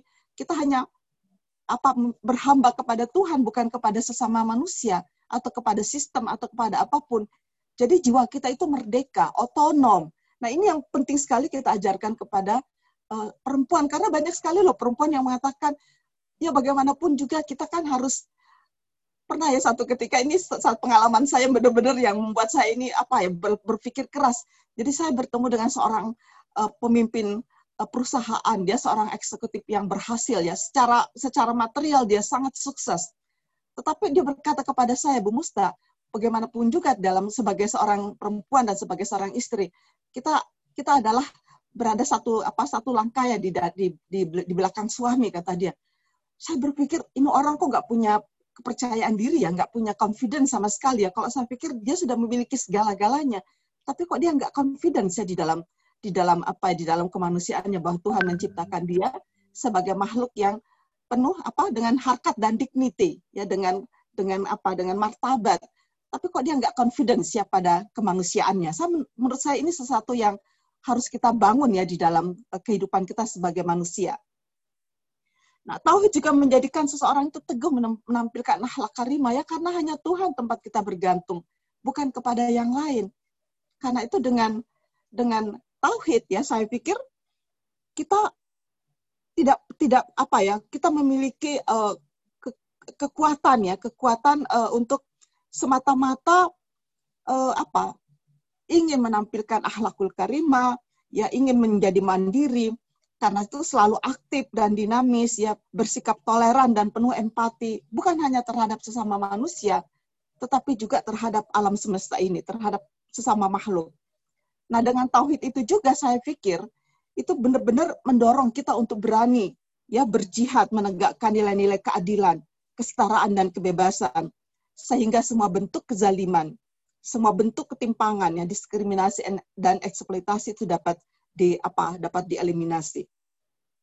Lalu apa uh, landasan dari uh, buku ini? Next ya, visi dan misi penciptaan manusia. Saya pikir ini juga pentingnya bagi kita memahami dengan benar bahwa uh, Mbak Amna itunya mana? Apa namanya? Kok saya nggak melihat ya screen-nya ya? Halo? Screen-nya kok saya nggak lihat ya? Mbak Amna, tolong Mbak Amna bisa PPT-nya Prof. Musdah, Mbak Amna. Nggak muncul ya screen-nya ya Mbak Amna? Mbak Amna ke mana ya? ya, nah, ini dia. Mbak Amnanya lagi ke mana? visi dan sebelumnya ini Mbak Amna si visi dan misi penciptaan dulu saya ingin me, apa ya menunjukkan kepada kita dulu uh, apa paradigma buku ini sebelumnya sebelumnya saya. Nah visi dan misi, nah itu dia. Nah uh, tidak banyak ya ini disampaikan di masyarakat kita ya tentang visi dan misi penciptaan manusia. Karena kalau kita semua diajarkan atau dikuatkan ya pandangan kita tentang visimu itu adalah sebagai khalifah fil ar. Karena itu kita ini harus bertanggung jawab. Apa itu khalifah fil ar? Kalau kita di apa ya di uh, uh, dibangun ya dengan perspektif, perspektif seperti bahwa kamu itu diciptakan menjadi khalifah, menjadi pengelola, menjadi uh, apa leader itu pasti menjadi manajer itu pasti sejak kecil kita akan terbangun ya. Oh ya kita ini uh, apa kita ini manajer kita ini leader. Paling tidak kita itu menjadi leader untuk diri kita sendiri. Apa yang kita harus manage dalam kehidupan kita? Kita mau manage mind kita supaya kita selalu positive thinking berpikir positif ya produktif dan uh, apa konstruktif. Karena kalau tidak demikian wah kasihan sekali kita kalau saya selalu memperhatikannya apa yang diajarkan di pengajian-pengajian, di apa lembaga-lembaga keislaman, melulu soal ibadah ya. Saya pikir kok nggak ada habisnya ibadah itu diajarkan mulai dari PAUD sampai di perguruan tinggi ibadah lagi, ibadah lagi. Tapi bagaimana mema, me, apa, me, membangun satu uh, apa ya satu komitmen dalam diri Muslim atau Muslimah bahwa kami itu adalah khalifah. Nah, sebagai khalifah, kamu harus mampu memanage pikiran kamu, memanage kalbu kamu, juga memanage syahwat. Syahwat dalam arti yang luas, bukan hanya kaitannya dengan seksualitas, tapi juga syahwat kekuasaan. Sehingga kamu kalau uh, apa uh, menjadi pemimpin, kamu ingat bahwa kekuasaan itu bukan semata untuk kepuasan pribadi, tetapi untuk bagaimana kekuasaan itu diraih untuk memaslahatkan kehidupan masyarakat, kehidupan makhluk sesama ya, kehidupan apa alam semesta. Jadi bukan bukan hanya untuk ke kesenangan pribadi. Nah, e, misinya itu adalah adalah amar ma'ruf nahi mungkar. Nah, istilah amar ma'ruf nahi mungkar inilah yang paling tidak banyak ya di apa ya di dipopulerkan atau disosialisasikan atau di, dihayati dengan sebaik-baiknya. Ketika kita bicara tentang amar ma'ruf nahi mungkar itu harus dimulai dari diri kita sendiri. Tetapi kalau di masyarakat kita begitu amar ma'ruf nahi mungkar, pikirannya itu langsung kepada orang lain. Ya ini yang menurut saya sesuatu yang keliru karena itu amar ma'ruf nahi mungkar mulailah dari diri kamu. Bagaimana kamu sebagai manusia, sebagai khalifah fil ar, itu melakukan upaya-upaya transformasi. Apa itu? Amar ma'ruf nahi mungkar, amar ma'ruf adalah upaya-upaya transformasi meningkatkan kualitas diri. Mulai dari dirimu, ya keluargamu, masyarakatmu, Lalu nahi mungkar adalah upaya-upaya humanisasi. Bagaimana me, apa? humanize human being ya, memanusiakan sesama manusia. Karena itu menurut saya menjadi muslim dan muslimah itu nggak bisa statis. Tentunya ya pasti kita harus selalu dinamis, selalu aktif, selalu produktif dan selalu konstruktif. Nah, inilah yang saya kira perlu dibangun agar supaya umat Islam yang katanya ada sekitar berapa ya? 1,8 miliar ya sekarang di dunia. Itu betul-betul bisa menjadi umat yang apa yang disebutkan di dalam uh, apa uh, banyak ayat itu sebagai umat terbaik. Sebagai uh, apa ya umat yang uh, khair ummah ya umat yang terbaik yang melakukan upaya-upaya uh, reformasi inovasi yang memberikan apa uh, manfaat ya kepada kemanusiaan. Nah, uh, ensiklopedia ini sekarang terdiri dari 17 bab Mbak Amna ya. Seperti tadi yang disebutkan oleh uh, Ibu Rosana Isa, ya saya selalu memulainya itu dengan pendidikan. pendidikan untuk memanusiakan manusia. Ini nggak mudah karena hari-hari sekarang ini bukan hanya di Malaysia, tetapi juga di Indonesia, bagaimana pendidikan secara umum, khususnya pendidikan Islam itu betul-betul isinya itu adalah hanya apa? Hanya uh, reproduksi ya, tidak tidak tidak melahirkan inovasi, tidak melahirkan sesuatu yang bagaimana agar supaya pendidikan itu melahirkan apa kemampuan kritis sehingga masyarakat itu atau masyarakat muslim itu mampu merespon persoalan-persoalan krusial yang dihadapi di masanya ya atau dihadapi ya di lingkungannya. Jadi karena itu di dalam di dalam pendidikan uh, uh, apa pendidikan kita itu nggak mampu menjawab persoalan-persoalan uh, global warming, ya persoalan-persoalan uh, kerusakan lingkungan, masalah pandemi seperti sekarang ini kita semua kehilangan arah ya. Lalu juga tidak mampu menjawab persoalan-persoalan kemiskinan, ya persoalan-persoalan pengangguran, ya persoalan-persoalan uh, apa uh, hilangnya atau habisnya sumber daya sumber daya alam. Nah, yang kedua itu adalah membentuk keluarga melalui perkawinan. Meskipun saya selalu mengatakan bahwa perkawinan itu adalah sebuah pilihan ya bukan kewajiban. Toh juga nggak ada ayat di dalam Al-Quran yang mewajibkan kita untuk menikah dan sebagainya. Yang ketiga adalah tentang keluarga berencana. Penting sekali. Tapi banyak orang yang salah paham. Kalau saya menyebut keluarga berencana itu pikirannya lalu penggunaan alat-alat kontrasepsi. Bukan itu maksudnya ya. Tentang poligami, tentang bagaimana memilih sistem demokrasi. Tahu nggak ya eh, teman-teman sekarang?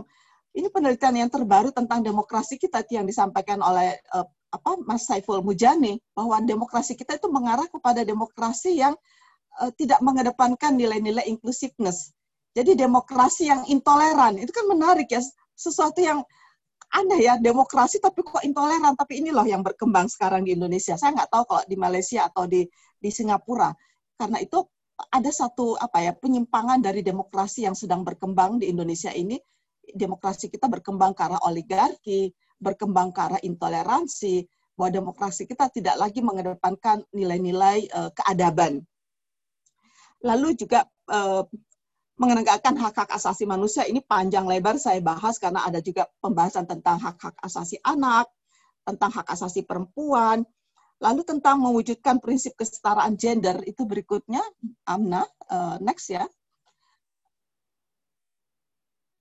Nah, pada uh, kesetaraan gender itu saya me, me, apa, mencoba melihat di berbagai agama seperti apa.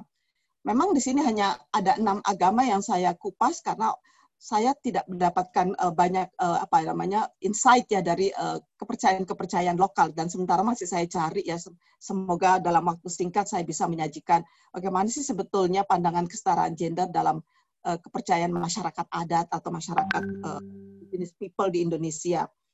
Lalu juga membangun kekuasaan politik yang ramah perempuan. Nah, ini yang kadang-kadang kita berpikir sedih ya bahwa kita memperjuangkan 30 tahun untuk uh, terbangunnya keterlibatan perempuan atau partisipasi perempuan dalam dunia politik. Tapi di Indonesia kemudian undang undang-undang mengenai uh, keterlibatan perempuan dalam dunia politik dengan kuota minimal 30% itu dimanipulasi oleh partai-partai politik kita. Jadi dengan adanya kuota minimal 30% itu oleh mereka lalu mereka menghadirkan apa keluarganya gitu ya, anaknya, saudaranya, istrinya. Jadi hampir 80% loh perempuan di parlemen itu adalah uh, adalah kerabat dari petahana atau kerabat dari uh, apa pemilik kekuasaan di Indonesia. Ini kan mengerikan juga sebetulnya karena apa? Karena kita tidak mendapatkan keuntungan ya dengan kehadiran perempuan yang selama ini kita perjuangkan karena mereka adalah orang-orang yang tidak mampu menyuarakannya aspirasi perempuan. Mereka adalah bukan orang-orang yang mengerti tentang uh, isu-isu perempuan. Tetapi kalau kita punya perempuan seperti Mbak Eva Sundari, tentu kan percepatan pembangunan dan pemberdayaan perempuan akan akan bisa terjadi. Tetapi sayangnya 80% itu adalah orang yang tidak memiliki kapasitas untuk mengerti isu-isu perempuan dan memperjuangkan kepentingan perempuan. Nah, juga ada uh, membangun uh, menjadi agen pembangunan ekonomi. Nah, ini yang terbaru nih uh, Profesor Mas, uh, Masna. Jadi ini yang belum ada pada pada edisi yang sebelumnya ya, yang 16 bab itu. Menjadi agen pembangunan ekonomi ini saya baru melihat dan setelah saya melakukan penelitian ya untuk uh, bab ini, saya menemukan bahwa satu dari sembilan kepala keluarga di Indonesia itu adalah perempuan. Sayangnya mereka itu tidak di apa tidak mendapatkan akses dalam undang-undang. Jadi undang-undang kita, undang-undang perkawinan kita tetap mengatakan bahwa suami adalah kepala keluarga. Jadi kasihan ya, jadi perempuan-perempuan yang menjadi kepala keluarga dalam realitas sosiologisnya itu tidak mendapatkan akses karena ketika mereka akan mendapatkan akses untuk tun, apa tunjangan, untuk apa bantuan dan sebagainya, dia dianggap tidak ada karena ya memang sistem kita, undang-undang kita belum me, belum me, mengakui perempuan sebagai kepala keluarga. Dan yang paling mengenaskan lagi dalam tulisan saya mengenai perempuan sebagai nelayan. Jadi perempuan ini pekerjaannya sebagai nelayan. Tapi di KTP-nya itu ditulis sebagai ibu rumah tangga. Mengerikan ya. Jadi dia ini si perempuan yang nelayan ini tidak bisa akses untuk bantuan ke koperasi atau ke tunjangan kesehatan yang diberikan atau yang diberikan oleh negara atau pemerintah. Jadi dia sedih banget ya. Jadi dia adalah nelayan yang di pundaknya itu terbeban ya. Dia mem, me, apa, memikul beban untuk uh, ekonomi keluarga yang di sana itu ada lima anaknya, ada ada orang tuanya, ada mertuanya, ada saudara-saudaranya. Dia adalah kepala keluarga dan dia juga pekerjaannya adalah nelayan. Dia ke laut ya seperti nelayan-nelayan yang lain. Tetapi di dalam kehidupan hukum di negara kita ini, di Indonesia ini, dia tidak dianggap sebagai nelayan dan di KTP-nya tidak dituliskan sebagai pekerjaannya nelayan. Karena itu dia tidak bisa mendapatkan akses ke mana-mana. Dalam hal ini saya pikir ada banyak hal yang harus kita apa ya. Nah, dalam konteks, seperti ini nih saya selalu bingung ya kenapa ya pimpinan-pimpinan agama kita ke mana ya menghadapi ketidakadilan, ketidaksetaraan seperti ini ke mana mereka?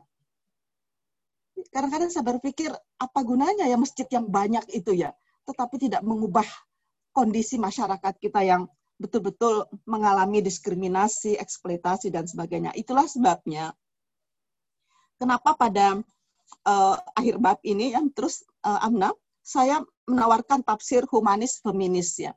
Jadi bukan hanya sekedar humanis, tetapi juga dia harus uh, me, apa, membawa pesan-pesan feminis. Nah, orang itu paling banyak salah paham ketika kita menyebut kata feminis.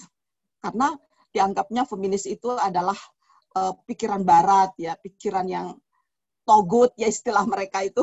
Tetapi saya selalu sabar ya mencoba me, apa, menawarkan bagaimana sebetulnya uh, tafsir feminis itu perlu mengapa perlu reinterpretasi teks-teks keagamaan? Kenapa perlu kita reinterpretasi? Ya karena interpretasi-interpretasi yang ada ini ya dengan apa tetap menghargai, mengapresiasi para ulama kita yang telah memberikan inter, interpretasi, tetapi dengan sepenuh apa ya sepenuh maaf bahwa interpretasi-interpretasi yang ada itu tidak lagi relevan ya dengan kehidupan kekinian kita. Karena itu saya mencoba di dalam beberapa model penafsiran, bolehkah perempuan menjadi pemimpin ya? Karena kalau selamanya itu perempuan dianggap uh, apa ya, dianggap makmum gitu ya. Kasihan seperti kondisi nelayan itu kan seharusnya membuka mata kita bahwa dalam masyarakat kita perempuan itu benar-benar pemimpin loh di keluarganya. Dia yang memberi makan keluarganya, dia yang menghidupi keluarganya, tetapi dalam realitas sosiologis dia nggak dianggap sebagai kepala keluarga, nggak dianggap sebagai pemimpin gitu ya. Memaknai ulang konsep jihad ini paling banyak terkait dengan merebaknya fundamentalisme dan ekstremisme bukan hanya di Indonesia saya kira tetapi juga Malaysia dan Singapura ini bagaimana menghadapi ekstremisme ini dan menggunakan Islam lagi ya sebagai apa namanya sebagai uh, topeng ya. Lalu juga berjihad untuk kemanusiaan ya. Nah, menghapus hukuman mati ini juga terkait dengan beberapa kasus yang terjadi di Indonesia, ya perempuan-perempuan yang terjerat karena mereka itu tidak mengerti sebetulnya ya. Banyak perempuan-perempuan migran kita yang terjerat uh, narkoba ya terjerat uh, macam-macam ya kejahatan internasional. Lalu ya kemudian mereka di apa namanya difonis dengan hukuman mati juga mengerikan ya memahami jilbab dan hijab ini juga sebuah apa ya sebuah uh, percaturan atau sebuah perbincangan yang enggak ada habis-habisnya. Setiap hari ini lagi terbaru-baru ini kami juga mengalami di Indonesia bagaimana uh, ibu kami tercinta ibu uh, Sinta Nuria itu dibullying habis uh, karena pernyataannya mengatakan bahwa jilbab itu bukan kewajiban. Tetapi masyarakat kita ya seperti ini sudah semakin mengeras. Nah, menghapus tradisi sunat perempuan ini juga penting karena dengan menguatnya uh, apa namanya fundamentalisme di Indonesia, saya nggak tahu kok tiba-tiba sunat perempuan itu menjadi sebuah apa ya sebuah uh, tradisi yang dirayakan di mana-mana. Ini kan menurut saya, aduh, mengerikan sekali ya. Lalu tentang nikah siri. Nah, sekarang ini nikah siri ini terjadi di mana-mana. Ya, perkawinan anak, perkawinan paksa, ya. Apakah Islam membolehkan KDRT? Dampak buruk perkawinan anak. Ini saya nah ini juga nih tentang perkawinan apa perkawinan Aisyah itu adalah perkawinan anak. Nah saya di dalam ensiklopedia ini sudah menjelaskan bahwa itu nggak benar gitu ya. Aisyah itu menikah pada usia 17 atau 18 tahun. Itu banyak sekali bukti-bukti sejarah yang mengafirmasi itu. Sayangnya dalam kehidupan uh, kita sebagai umat uh, Islam bukti-bukti sejarah itu nggak pernah dijadikan sebagai argumentasi. Pokoknya kalau sudah ada satu hadis, meskipun itu hadis ahad, ya seolah-olah hadis ahad itu mutlak dan dianggap kebenarannya itu setara dengan Al-Quran. Ini loh, cara kita beragama ini benar-benar yang menurut saya ini perlu apa ya perlu direformasi ya. Tidak apa ya tidak bisa kita hanya mempercayai satu hadis ahad dan kemudian terbukti bahwa hadis ahad itu mengalami banyak uh, problem ya kalau kita melakukan kritik terhadap hadis tersebut. Karena itu saya kira penting juga kita merumuskan ini ya. Um, oh ya, masih ada tentang pembaruan hukum waris ya, hukum nikah beda agama itu tadi buku saya yang disebutkan oleh Profesor Masna itu saya tulis tahun berapa itu ya 2008 kalau nggak salah. Boleh nggak kita menikah beda agama kira-kira gitu. Nah sekarang saya mencoba bagaimana kita merumuskan dakwah transformatif. Ya, saya pikir apa yang dilakukan oleh Mas Ulil dengan uh, ngaji Ihya itu menurut saya itu adalah sebuah dakwah yang sangat-sangat ya transformatif karena isinya itu menjelaskan kaitan teks dengan konteks yang kita hadapi sekarang. Nah, sayangnya nggak semua nggak semua mubalik dan mubaligoh kita, dai dan daiyah kita itu mampu ya me, apa, mengaitkan persoalan-persoalan teks dengan konteks. Apa masalah-masalah yang kita hadapi sekarang ini gitu. Karena itu saya mencoba ya mencoba merumuskan dakwah yang transformatif. Berharap betul ya semoga para dai dan daiyah kita itu ketika dia berdakwah itu betul-betul memikirkan apa ya? Anda membaca sebuah kitab, tetapi bagaimana mengaitkan ya pandangan-pandangan atau pesan-pesan moral di dalam kitab tersebut dengan kondisi kekinian kita. Sehingga dalam beragama kita itu ada manfaatnya gitu. Ada ada upaya-upaya transformasi yang kita lakukan bahwa dengan dakwah itu kita memperbaiki ya kalau tidak uh, apa namanya mengubah secara drastis ya kondisi masyarakat. Nah, apa contoh materi dakwah itu bagaimana kita menjelaskan Islam yang rahmatan bil alamin, tentang prinsip kesetaraan manusia ya. Ya tentang uh, banyak hal. Nah, pada akhirnya saya berharap ya, next lagi uh, Amna, next lagi pada terakhir ini, nah terakhir lagi, nah bukan sebelumnya, nah, bukan sebelumnya lagi. Nah itu dia apa yang saya inginkan sebetulnya dengan buku ini adalah mengajarkan manusia bahwa sebetulnya agama itu harusnya bisa ya membantu manusia mengenali dirinya sendiri dan menghindari proses-proses dehumanisasi yang bertentangan dengan prinsip kemuliaan atau dignity manusia. Karena agama akhir-akhir ini kok membuat kita kehilangan apa ya rasa harkat dan martabat wah penelitian yang saya sebutkan tadi, penelitian itu tentang bagaimana pandangan-pandangan fundamentalisme Islam itu menggerus ya kemanusiaan perempuan. Sampai perempuan itu nggak punya lagi ya, bukan bukan siapa-siapa, pokoknya kamu nanti bahagianya di akhirat saja. Jadi di dunia ini kamu hanya fitnah belaka, kira-kira seperti itu. Ya tetapi bagaimanapun juga ya, seperti saya ingin menyampaikan moto saya di belakang, next ya Amna, ini ya bagaimanapun juga uh, tetap saja saya sih tetap aja kalau orang tidak setuju dengan pandangan kita ya kita nggak nggak perlu harus gusar nggak perlu harus marah. Kita tetap saja menyampaikan apa yang kita anggap karena kalau mereka itu tidak setuju dengan kita ya nggak apa-apa. Buat saya sih nggak masalah juga ya. Tetap saja kita jalan terus karena itu buat saya sih enjoy aja. Kita ber apa berkarya ber uh, apa namanya beramar ma'ruf nahi mungkar. Dan berusaha untuk mendapatkan ridha Allah ya dengan cara-cara yang damai, dengan cara-cara yang sejuk, dengan cara-cara yang seperti digariskan oleh para uh, apa para ulama kita menggunakan uh, cara-cara yang apa mengedepankan uh, apa toleransi ya tawazun dan sebagainya asas-asas seperti inilah yang menurut saya apalagi di NU itu kaya sekali dengan bagaimana kita mengedepankan moderasi ya di dalam beragama. Saya kira itu yang penting saya sampaikan dan terima kasih sekali lagi buat uh, Rosana Isa, buat Prof Masna, juga buat Mas Ulil.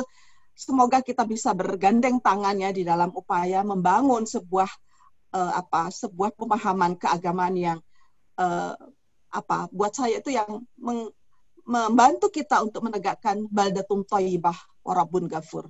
Terima kasih. Wassalamualaikum warahmatullahi wabarakatuh. Waalaikumsalam warahmatullahi wabarakatuh. Terima kasih banyak Prof. Musda Mulia atas pencerahan pada pagi hari ini.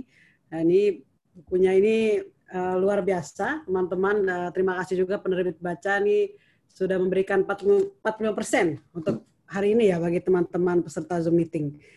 Uh, mungkin saya tidak perlu merangkum apa yang dikatakan Prof. Musda, sebab sudah uh, sangat luar biasa membawa isu agama ini bagaimana mem memanusiakan manusia, kurang lebih seperti itu. Berikutnya adalah masuk pada sesi tanya jawab. Uh, ini bisa langsung di dilontarkan pada chat Zoom. Ini ada pertanyaan pertama ya dari Ibu ya, Ibu Zakiatul Ulia tentang pandangan poligami uh, ditujukan kepada ketiga narasumber kepada Prof Musda, Prof Masda dan Ibu Rosana. Uh, bagaimana kalau poligami ini apakah uh, bisa harmonis dan kemudian di buku Prof ini uh, setujukah dalam pelaksanaan poligami? Apakah masih harmonis dan bagaimana poligami di Singapura maupun di Malaysia? Mungkin uh, Ibu Rosana dulu, silakan Ibu Rosana. Uh, ya, terima kasih atas persoalannya. Uh, jadi dalam uh, isu poligami ini memang ianya adalah satu isu yang uh, hangat di Malaysia kerana uh, berlakunya poligami adalah uh, agak ketara juga. Um, dan di mana sesuatu ketika dahulu uh, perkahwinan poligami adalah sesuatu yang uh, tidak dilaungkan atau dibanggakan tetapi kini menjadi sesuatu yang dibanggakan. Uh, sehingga uh, seseorang lelaki itu suami itu sekiranya uh, sudah um, uh, apa ini uh, mendapat kejayaan hidup ya sukses dalam uh, kehidupannya menjadi satu uh, yang uh, ditanya oleh teman-teman. Uh, jadi bila lagi mau tambah lagi satu, jadi uh, itu adalah uh, amat um, apa uh, ketara sekali dalam uh, masyarakat. Uh, naratif poligami itu adalah sesuatu yang amat digalakkan atas uh, dasar bahawa um, ianya digalakkan uh, di dalam Islam.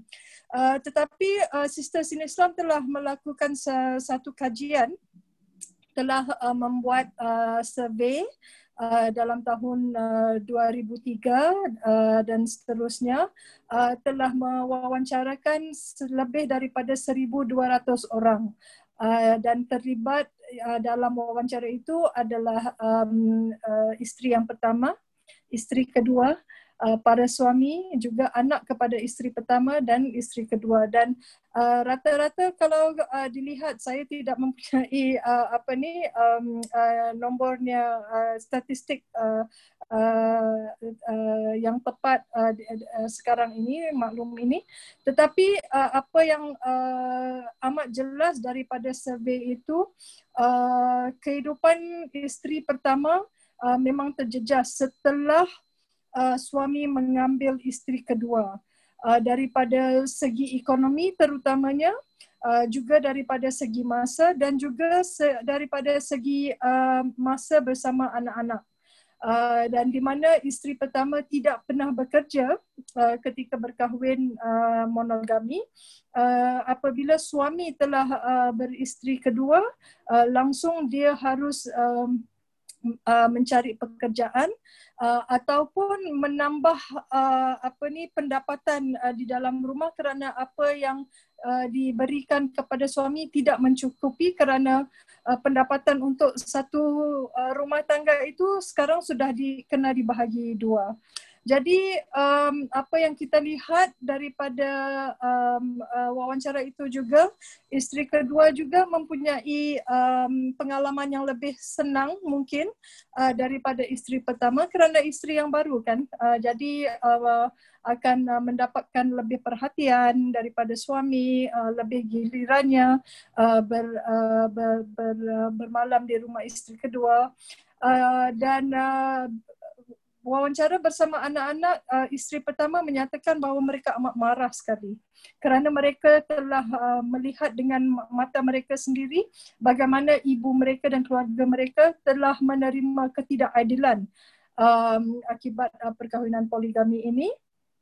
Uh, dan juga setengah uh, suami ya uh, yang diwawancarakan sebenarnya mereka juga telah menyatakan bahawa sekiranya mereka mempunyai peluang untuk uh, mengulangi masa mereka akan uh, tidak uh, berkahwin poligami kerana ianya menambahkan stres kepada dirinya uh, bukan saja dari segi uh, harus uh, memberi pendapatan uh, kepada dua rumah tangga tetapi juga harus um, memberi lebih masa. Jadi sekiranya kalau terutama sekali sekiranya perkahwinan itu di lain negeri. Jadi um, apa yang ketara sekali ialah lebih banyak uh, masa dihabiskan uh, di atas uh, dalam perjalanan uh, dari rumah isteri pertama ke isteri kedua dan sebaliknya. Uh, dan juga um, uh, terdapat uh, lebih stres ya sehingga kan apabila kedua-dua rumah tangga juga tidak aman kerana berentam uh, tentang isu keadilan dan uh, giliran ini dan sebagainya dan juga isu nafkah uh, terdapat juga suami yang langsung tidak pulang ke rumah uh, langsung uh, tidur di uh, kantor dan pejabat kerana tidak uh, dapat uh, menangani uh, uh, isu isu sendiri uh, namanya. Iya, ya. Jadi tiada penyakit jadi jadi penyakit cari penyakit itu namanya ya. Jadi uh, mengikut pengalaman kehidupan realiti ini uh, poligami itu sebenarnya mendatangkan sesuatu uh, uh, yang uh, men, men, mendatangkan uh, tekanan bukan sahaja kepada seorang tetapi semua ahli keluarga yang terlibat. Jadi um, uh, kami uh, uh, tapi pada dasarnya uh, undang-undang di Malaysia ini uh, berbeza-beza mengikut negeri. Jadi ada negeri yang uh, melaksanakan poligami dengan syarat yang ketat uh, ataupun ada juga negeri yang tidak langsung mengadakan syarat uh, kalau mau kahwin kahwin aja. Dan uh, apa, apa ada juga uh, banyak hal uh, di mana sekiranya ada terdapat uh, halangan ya untuk perkahwinan poligami ini berlaku di negara uh, di negara Malaysia. Jadi mereka melangsungkan perkahwinan ini di um, apa ni uh, uh, uh, sepadan uh, negara uh, Malaysia dan juga Thailand dan ini juga menjadi lagi satu membawa lagi satu masalah ketidakadilan ke, uh, terutama sekali kepada isteri kedua uh, jika perkahwinan itu tidak didaftarkan. Jadi saya berhenti di sini saja. Uh, itulah pengalaman uh, di Malaysia berkenaan poligami berdasarkan uh, survei yang telah dilakukan oleh Sisters in Islam. Baik, terima kasih banyak Ibu Rosana atas uh, berbagi pengalaman dan juga kajian yang telah dilakukan Sisters in Islam. Berikutnya kami ingin mendengar pandangan dari Singapura bagaimana poligami di Singapura maupun yang mungkin Prof. Masnah pernah melakukan kajian. Silakan Prof. Masnah. Uh, tidak, saya tidak melakukan kajian di sini, tapi apa yang uh, saya boleh katakan mengikut undang-undang Singapura, uh, uh, poligami tidak tidak dihalangkan, ya. Masih ada, masih uh, uh, boleh dilakukan oleh sesiapa yang mahu menjalankan perkahwinan ya, berterusan. Uh, tapi saya rasa oleh kerana realiti sosioekonomi di Singapura amat sukar sekali ya bagi seseorang itu mempunyai uh, uh, dua uh, satu lebih daripada satu keluarga satu unit keluarga oleh kerana masalah ekonomi masalah uh, perumahan dan sebagainya uh, dan juga uh, dari segi sekatan ya ataupun uh, syarat-syarat uh, bagi memenuhi uh, permintaan uh, poligami.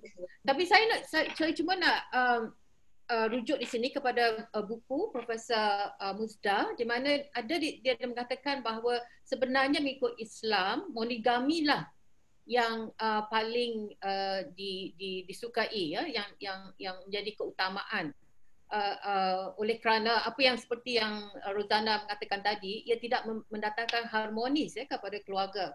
Jadi kalau kita berpegang kepada itu kita uh, boleh uh, memberi pendidikan berdasarkan uh, prinsip ya harmoni uh, keluarga itu. Dan kalau kita perlukan harmoni keluarga, kita haruslah atau jalan yang paling baik ialah melalui monogami.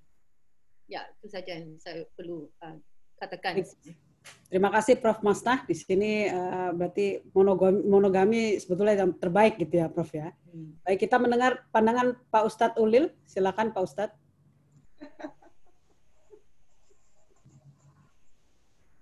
Uh, jadi gini, masalah poligami ini eh, jelas kalau kita semua yang hadir di dalam di dalam diskusi ini saya andaikan, saya asumsikan semua sepakat bahwa poligami bukanlah ajaran yang ideal ya.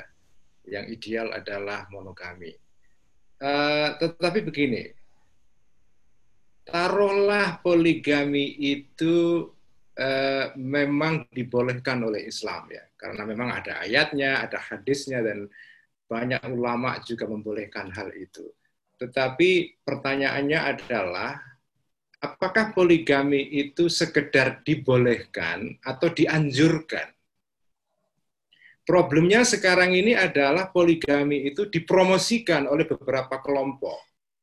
Jadi sekarang ada sekelompok uh, umat Islam di Jakarta ada banyak ya meskipun tidak banyak sekali tetapi ada beberapa kelompok yang mencoba mempromosikan poligami sebagai gaya hidup baru, sebagai lifestyle, uh, sebagai bagian dari uh, apa ya bentuk dari new piety. Jadi kesalehan baru sekarang di kalangan kelas menengah di kota-kota besar sebagai bagian dari munculnya new conservatism adalah uh, ditandai antara lain dengan selain makin ketat memakai jilbab, memakai cadar, juga uh, poligami dianjurkan. Nah ini menurut saya kekeliruan. Islam sebetulnya tidak pernah menganjurkan poligami.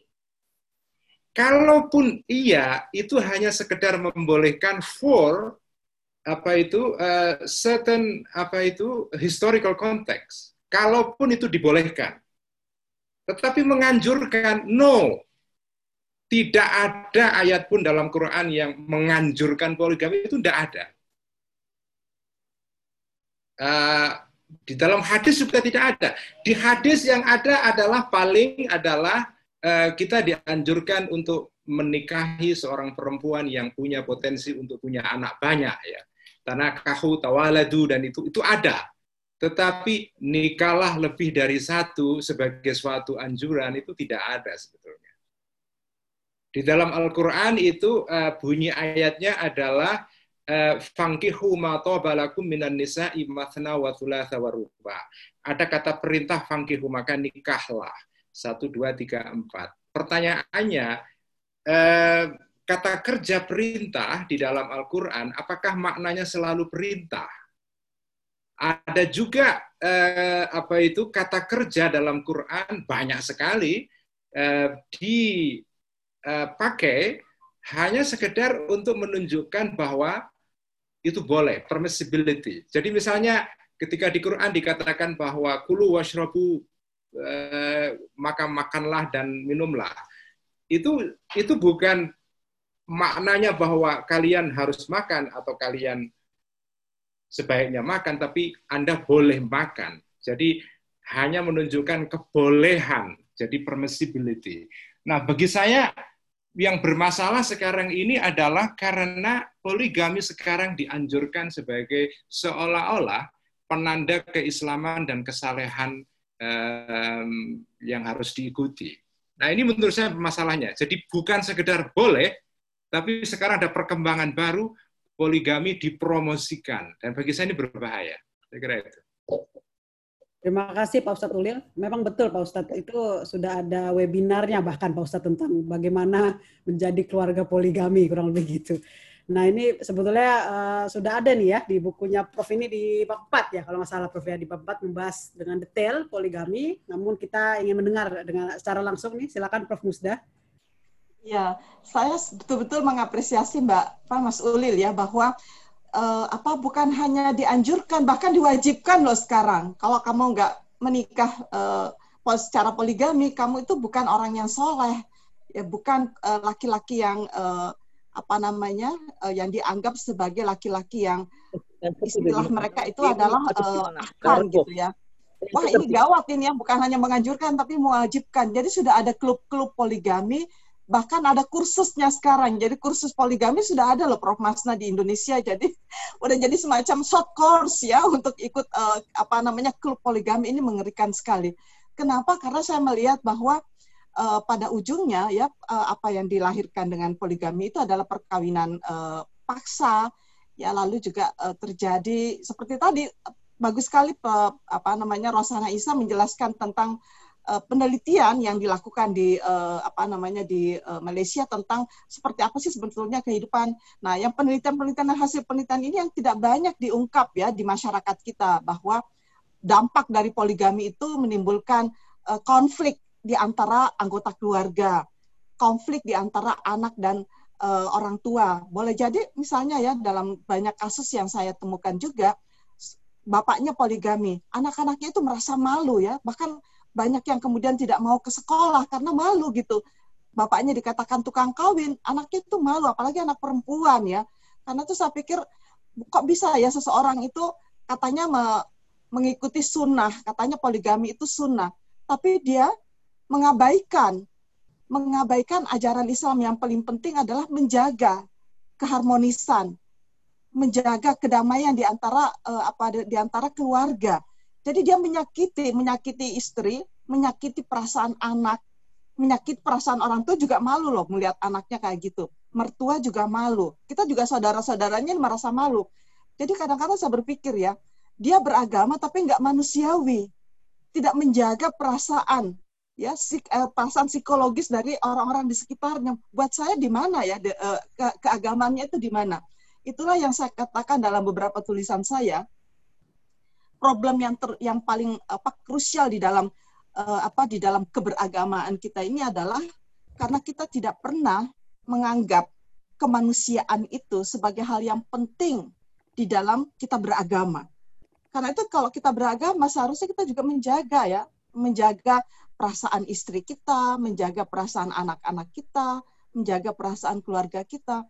Karena kalau orang itu selalu mengatakan kan ada ayatnya, seperti tadi yang dibacakan oleh Mas Ulil, jangan salah ya, ayat itu dimulai dengan wa in khiftum Allah ta'dilu.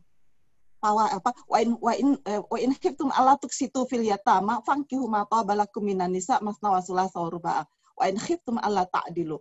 Jadi karena itu jelas konteksnya itu adalah satu tarikan nafas dengan uh, pemeliharaan anak-anak yatim gitu. Nah, dalam masyarakat kita anak-anak yatim ini diabaikan, poligaminya dijalankan. Jadi sesuatu yang nggak nyambung gitu ya. Kalau saya melihat bagaimana apa alasannya nanti Rasul itu kan poligami. Mereka juga nggak nggak membaca sejarah bahwa Rasulullah itu poligami itu setelah perkawinan monogami yang sukses dan langgeng selama 28 tahun dengan Khadijah, ya baru terjadi poligami itu pada masa-masa peperangan, pada masa-masa darurat ya. Kalau kita mau mengikuti sunnah Rasul, ikutilah secara benar yang bahwa Rasul itu melakukan poligami itu pada masa-masa peperangan ya, masa-masa darurat. Dan dalam konteks melindungi ya para apa mana istri apa istri-istri yang suaminya itu mati di dalam uh, atau wafat di dalam medan pertempuran ya supaya mereka itu uh, tidak di apa tidak diperlakukan secara eksploitasi oleh prajurit-prajurit yang ya biasalah prajurit-prajurit perang itu seperti apa ya dalam konteks uh, masyarakat jahiliyah yang masih menganggap perempuan itu sebagai apa di dalam tawanan perang ya. Jadi ada ada sebuah konteks yang harus kita baca ketika kita membaca ayat tentang poligami dan itu hanya satu loh di dalam Al-Qur'an. Dan itu pun juga mestinya kita membaca surah apa ayat 3 surah An-Nisa itu harus bersamaan dengan ayat 129. Walan tastati ya kamu nggak nggak bakalan bisa ya melakukan apa namanya keadilan. Walantas tati pil apa namanya antak dilu.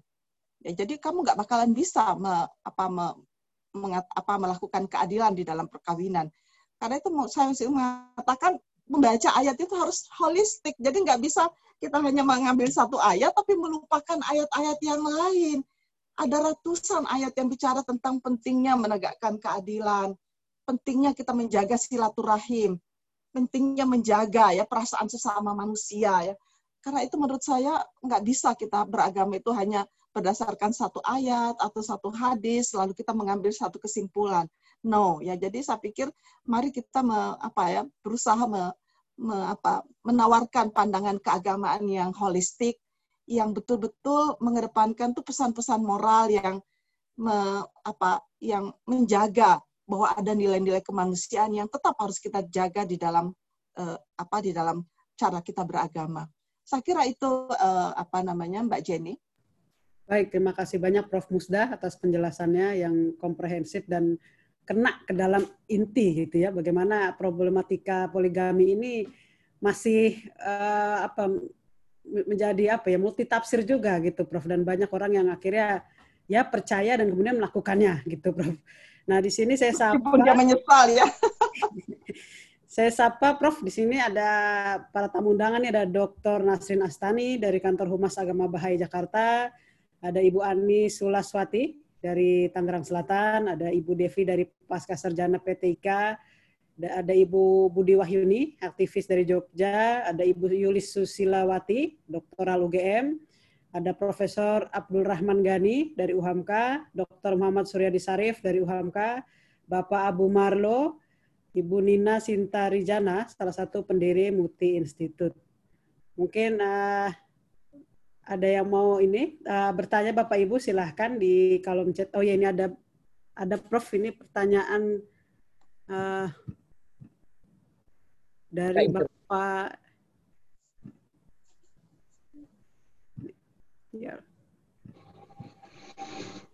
Nah ini ya dari Bapak Suryadi dari Medan ini Prof ini pertanyaan kedua tadi dari kolom chat Zoom. Jadi Islam ini hadir sebagai rahmatan lil alamin tetapi pada praktek prakteknya ini terjadi ketimpangan antara teori dan praktek. Mohon pencerahannya dari Bapak Suryadi. Mungkin uh, Ibu Rosana dulu, silakan Ibu Rosana.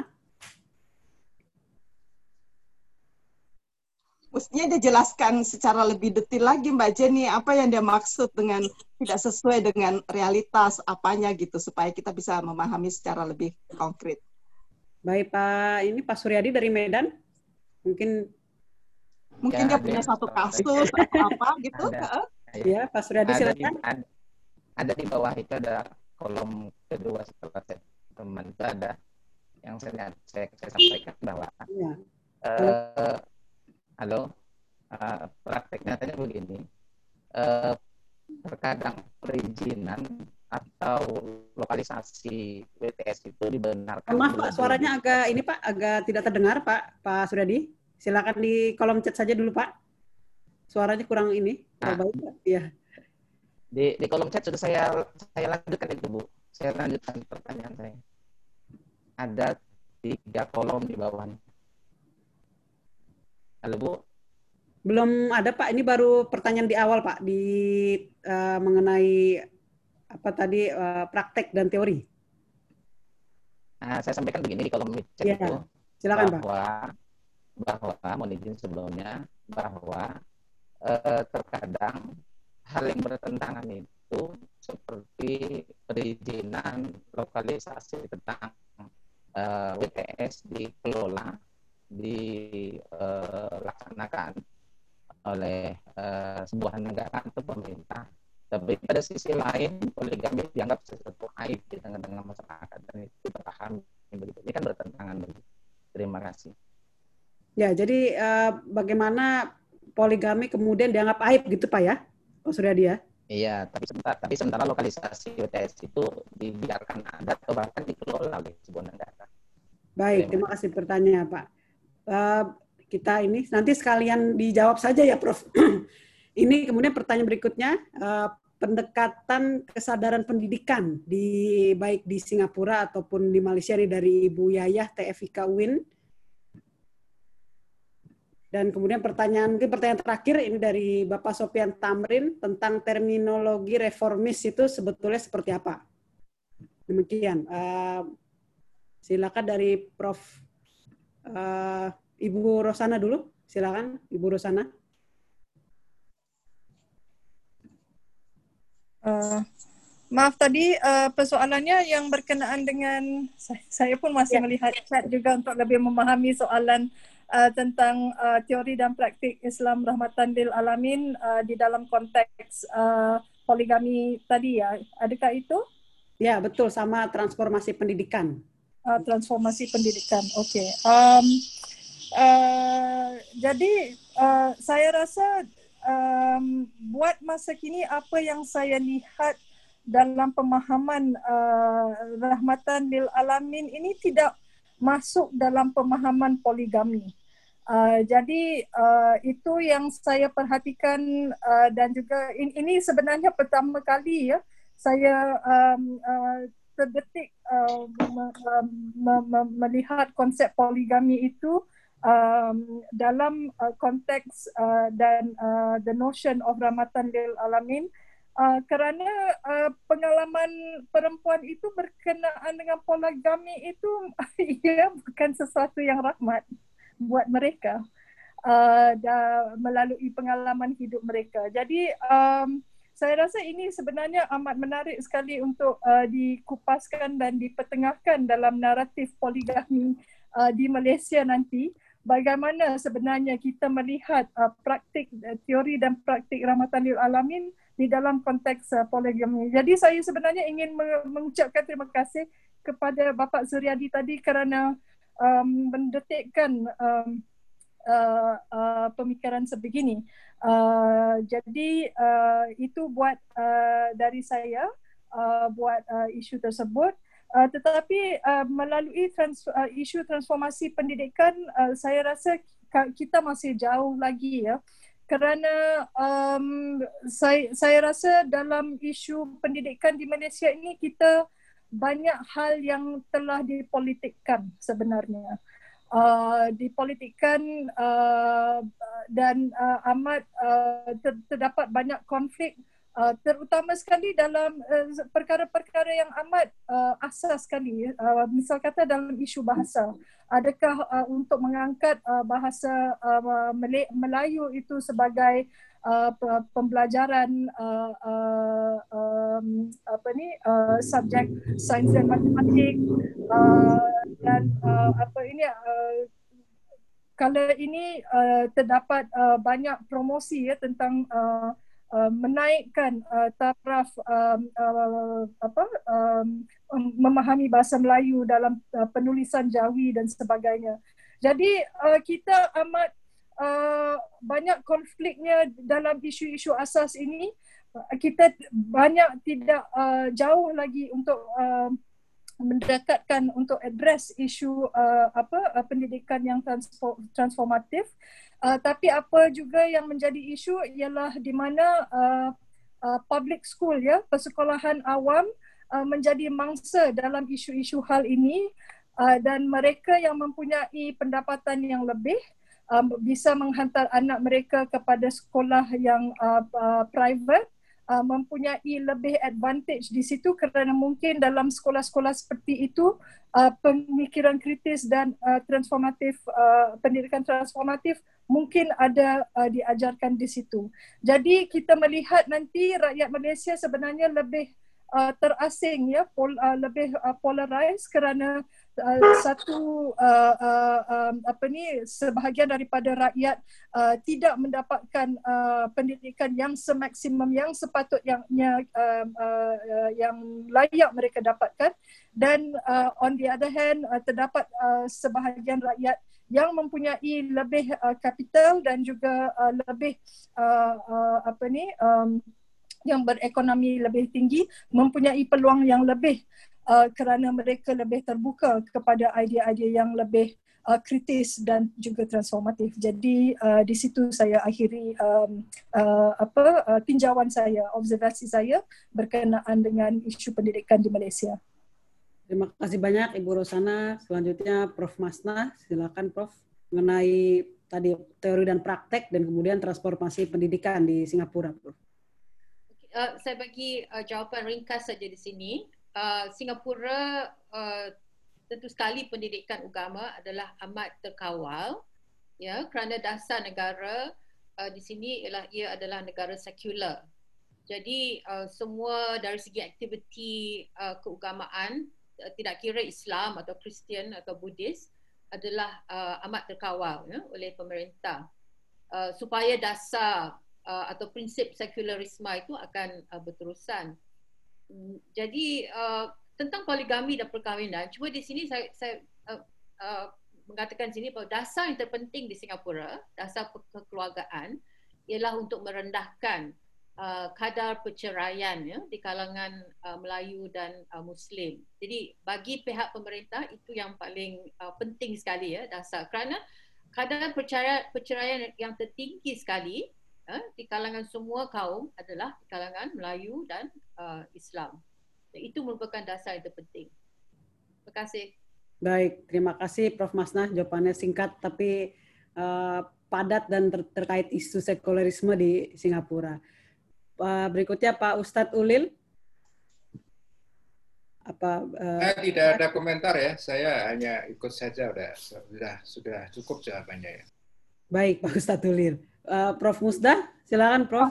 Uh, begini ya, saya uh, ada beberapa pertanyaan di chat yang saya baca itu mengatakan bahwa dalam ayat uh, itu katanya orang disuruh menikah satu dua tiga itu salah loh apa namanya cara membacanya. Jadi begini ya, um, ayat ini turun ya terkait dengan kasus anak-anak yatim ya di masa uh, masa Nabi ketika jadi gini ayat ini turun setelah perang Uhud Perang Uhud itu meninggalkan luka yang sangat besar ya bagi umat Islam. Banyak tokoh-tokoh penting meninggal, ya eh, pimpinan-pimpinan uh, apa uh, umat Islam itu meninggal dan uh, meninggalkan anak-anak perempuan. Ya. Para walinya, ya para walinya itu kan memi, uh, punya perasaan culas ya kepada anak-anak yatim perempuan yang ditinggalkan oleh orang tuanya. Nah mereka itu ingin mengawini mereka dengan dengan dengan prinsip apa untuk mengambil hartanya. Jadi bukan untuk menolong ya. Jadi ini ada kasus sebetulnya jadi kita melihat uh, ayat ini adalah turun berkaitan dengan sebuah kasus setelah perang Uhud itu ada anak-anak yatim yang ditinggalkan oleh orang tuanya dan mereka itu kaya ya punya harta. Nah, wali-wali itu ingin menikahi mereka karena apa? Karena ingin mendapatkan harta mereka. Jadi agar supaya kamu berlaku adil, jangan kamu memperlakukan anak-anak yatim itu dengan cara yang tidak adil, ingin menzolimi, ingin menguasai harta mereka. Sebenarnya mereka mengawini itu hanya untuk mendapatkan hartanya. Jadi kata Rasul, jadi kalau kita membaca ayat ini, bacalah dari ayat yang pertama. Ayat yang pertama itu bicara tentang kesetaraan manusia. Lalu ayat yang kedua itu pentingnya pentingnya kita memberikan perhatian terhadap anak-anak yatim. Jadi kita mesti membaca ayat uh, satu ayat itu tidak hanya satu ayat, tapi kita membaca dulu uh, apa ayat-ayat yang sebelumnya ya. Di situ akan terbaca bahwa ayat uh, ketiga itu bicara tentang jangan kamu ya wa in khiftum alla tuksitum fil yatama jangan sampai kamu berlaku tidak adil terhadap anak-anak yatim. Anak-anak yatim yang dimaksud itu adalah anak-anak yatim yang ditinggalkan oleh orang tuanya. Mereka adalah orang kaya, punya harta banyak. Karena itu supaya kamu tidak me, apa, mencederai tidak mengganggu, tidak menzolimi anak-anak yatim itu, kamu kawinlah dengan yang lain. Kira-kira nah, kira-kira bunyi ayat itu uh, ya kamu jangan ganggu inilah, kamu ambillah yang lain ya. Cak kau pangki mata balaku nisa, kawinlah perempuan-perempuan yang lain ya. Dua, tiga, empat. Nah, istilah dua, tiga, empat itu adalah kebiasaan orang Arab. Jadi bukan hanya pada ayat uh, tentang perkawinan poligami ini loh ada masna sawaruba'ah itu juga pada beberapa ayat yang lain itu juga kebiasaan orang Arab tuh dua tiga empat gitu kan. Jadi bukan berarti bilangan yang sesuatu yang menunjukkan apa namanya uh, angka bahwa kamu kawin dua tiga atau empat. Bukan. Bukan ya bukan seperti itu maksudnya. Tetapi kawinlah kamu. Boleh kamu kawin sesuka-suka kamu asal kamu jangan mengganggu anak-anak yatim ini. Karena itu menurut saya uh, nafasnya uh, ayat ini adalah perlindungan terhadap anak-anak yatim. Dan itu yang paling banyak uh, diabaikan atau di apa neglected ya di apa ya tidak diperhatikan di dalam membaca konteks ayat ini. Ini loh yang ingin saya katakan kepada kita semua bahwa ayat ini turun dalam konteks perlindungan terhadap anak-anak yatim yang ingin diperlakukan semena-mena oleh para walinya. Jadi mereka ingin dinikahi hanya untuk mendapatkan uh, apa namanya harta benda mereka. Karena itu penting sekali kita menjaga ya supaya anak-anak yatim itu tidak mengalami eksploitasi seperti yang diceritakan dalam konteks turunnya ayat ini. Nah, karena itu ayat ini pesan moralnya adalah wahida, satu aja. Karena itulah yang apa namanya yang lebih dekat kepada ketakwaan. Karena itu dalam banyak ayat ya orang menjelaskan bagaimana prinsip perkawinan dalam Islam. Karena kalau saya ya membaca tentang mono apa poligami ini, kita itu mestinya membaca semua ayat-ayat yang bicara tentang perkawinan. Kalau di dalam ensiklopedia saya itu ada satu bab bicara tentang membangun perkawinan ya. Di situ saya mengatakan ada lima prinsip perkawinan dalam Islam. Yang pertama itu adalah prinsip apa? Uh, uh, uh, bukan uh, misalkan galiza. Apa itu? Bahwa perkawinan itu adalah sebuah komitmen yang amat suci dan sangat kuat. Jadi bukan sekedar urusan cinta, bukan sekedar urusan biologis. Ini loh kayak yang yang tidak banyak di apa ya di, di apa disosialisasikan. Jadi pertama itu prinsip misalkan golida. Yang kedua adalah prinsip uh, apa mawaddah warahmah. Ya. Jadi mawaddah warahmah itu adalah sebuah ungkapan psikologis yang nggak bisa digambarkan dengan kata-kata, tetapi prinsipnya adalah kamu betul-betul mencintai ya pasanganmu itu apa adanya Lalu prinsip uh, muasyarah bil ma'ruf. Jadi nggak ada KDRT, muasyarah itu saling mencintai, saling mengasihi. Ya, bagaimana mungkin akan terjadi hal seperti ini dalam poligami? Lalu yang keempat prinsip musawah, kesetaraan. Ya, prinsip, prinsip musawah itu berjelas sekali ya dalam dalam ayat itu dikatakan uh, hunna libasul lakum wa antum libasul lahunna. Para istrimu itu adalah pakaian untuk kamu Sebaliknya, suamimu juga adalah pakaian buat kamu. Pertanyaan kritisnya adalah kenapa Tuhan itu menggunakan istilah atau mengilustrasikan oh, perkawinan itu dengan libasun. Libasun itu apa? Pakaian. Ini dijawab secara sosiologis bahwa itu perkawinan itu adalah kita saling melindungi. Suami melindungi istri, istri melindungi suami. Tapi dalam masyarakat kita, yang dikatakan pelindungan cuma suami ya ini loh problem sekali kalau saya melihat ya Allah ini kok agama Islam yang sangat uh, luhur ini eh, yang sangat mulia ini dalam kenyataannya. Nah itu tadi mungkin pertanyaannya yang dari Medan itu dalam normatifnya itu sangat luhur tetapi dalam prakteknya itu kok beda banget gitu ya. Nah yang kelima adalah prinsip musyawarah. Perlunya ada komunikasi yang aktif yang intens yang hangat dan akrab. Nah lima prinsip dasar ini saya menulisnya itu jelas banget ya. Saya mengambil dari berbagai ayat karena itu ada 106 ayat ya kalau dalam Al-Qur'an itu yang bicara tentang perkawinan. Karena itu kalau saya saya melihat bahwa pentingnya kita ya menjelaskan tentang uh, apa tentang hukum perkawinan itu dengan baik ya sehingga masyarakat itu ngerti kawin itu apa sih maknanya ya karena itu tidak hanya sekedar urusan ijab kabul seperti yang banyak dalam ter, apa dalam praktek di masyarakat kita benar kata Pak Suryadi itu ajaran-ajaran normatif Islam yang begitu luhur, ya, yang begitu dalam maknanya, yang begitu mengedepankan kesetaraan dan keadilan, pada prakteknya itu sama sekali tidak apa ya tidak muncul. Yang ada dalam prakteknya ya seperti ini, orang kawin di mana-mana. Tetapi satu hal yang ingin saya sampaikan kepada para perempuan yang yang melakukan perkawinan poligami, Anda sadar nggak? Paling tidak ya, bahwa di dalam perkawinan poligami itu adalah yang yang Anda perlu sadari adalah penularan penyakit. Ya, karena itu ini yang tidak banyak disampaikan di masyarakat. Saya me, me, apa, membaca tulisannya uh, apa namanya Pak Boyke, Boyke Nugroho, yang seksolog itu paling tidak lu penyakit keputihan itu bisa me, apa menular. Apalagi dalam kondisi pandemi sekarang ini suamimu habis dari mana, apa-apa itu benar-benar mengajarkan kita tentang kesehatan ya, kesehatan reproduksi. Anda sadar nggak tentang itu? Nah, pandangan-pandangan seperti ini menurut saya ya penting untuk kita apa ya kita uh, sadarkan kepada sesama uh, perempuan untuk menjadi uh, apa kita memilih katakanlah poligami itu ada pilihan, it's okay. Tetapi Anda sadar nggak dengan pilihan yang Anda uh, lakukan bahwa itu akan mencederai kemanusiaannya, mencederai banyak orang. Ya, bukan ya Anda mungkin senang, tetapi bagaimana dengan keluarga Anda, bagaimana dengan anak-anak Anda atau orang tua Anda ya. Tetapi buat saya penting sekali kita memikirkan bahwa dalam beragama pun juga kita harus memikirkan eh, aspek-aspek uh, kemanusiaan. Dan pertanyaan berikutnya saya kira apa yang dimaksud dengan reformis ya? Menurut saya apa yang dimaksud dengan reformasi itu adalah upaya-upaya meningkatkan kualitas diri. Dan itu dimulai dari, dari diri kita sendiri. Bagaimana Anda semakin hari meningkatkan kualitas diri, kualitas fisik menjadi lebih baik, lebih sehat, tapi juga kualitas intelektual Anda semakin semakin berumur ya, intelektualitas kita semakin berkembang ke arah yang lebih positif, konstruktif. Tetapi juga bukan hanya itu, sebagai manusia kita harus selalu juga memikirkan kualitas spiritualitas kita.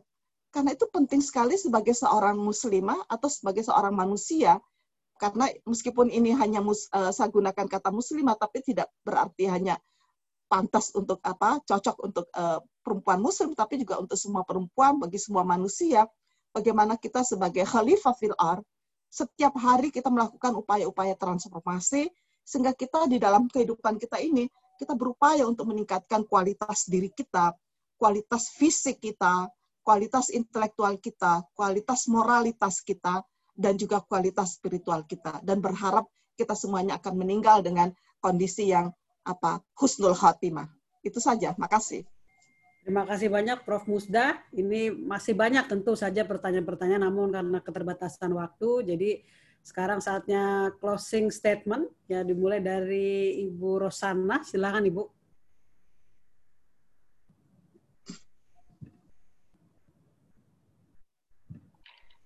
Ya, silakan. Oke, okay. assalamualaikum uh, sekali lagi. Terima kasih. Jadi uh, saya mendapat uh, banyak apa ilmu. Kalau kita membaca itu adalah satu pengalaman yang amat berharga tetapi apabila mendengar uh, daripada authornya sendiri uh, memberi uh, pengetahuan ya berkenaan dengan uh, wacana ini dan juga berkenaan dengan muslimah reformis ini saya rasa um, amat uh, uh, privilege sebenarnya untuk uh, bersama-sama dalam panel ini. Jadi saya amat uh, semakin uh, merasa terinspirasi uh, untuk walaupun ini sudah melihat ya tua-tua ini rambutnya sudah putih dan uh, sudah penat tetapi sebenarnya uh, mendengar uh, uh, kata-kata daripada uh, Profesor Muzda Mulia, daripada uh, Ustaz Ulil dan juga daripada Profesor Maznah yang uh, juga menjadi salah satu daripada uh, uh, orang yang saya uh, look up to ya. Uh, sebagai seorang uh, feminis dan juga uh, penggerak uh, um, um, apa uh, uh, isu hak wanita di Malaysia. Um, saya rasa ini adalah uh, kita sebenarnya dalam uh, lingkungan masa yang menarik kerana berhadapan dengan pelbagai cabaran. Uh, tetapi ia juga dalam kita menjalani uh, pelbagai cabaran ini, ia juga membuka berbagai peluang uh, sebenarnya seperti uh, untuk kita bersama pada hari ini uh, untuk membicarakan uh, isu uh, apakah sebenarnya seorang muslimah reformis dan uh, saya harap uh, kita akan dapat kehadapan uh, dengan lebih banyak lagi kerana di antara kita uh, di di uh, negara-negara di dalam Nusantara ini uh, ada perbezaan tetapi kita mempunyai ada juga banyak persamaan.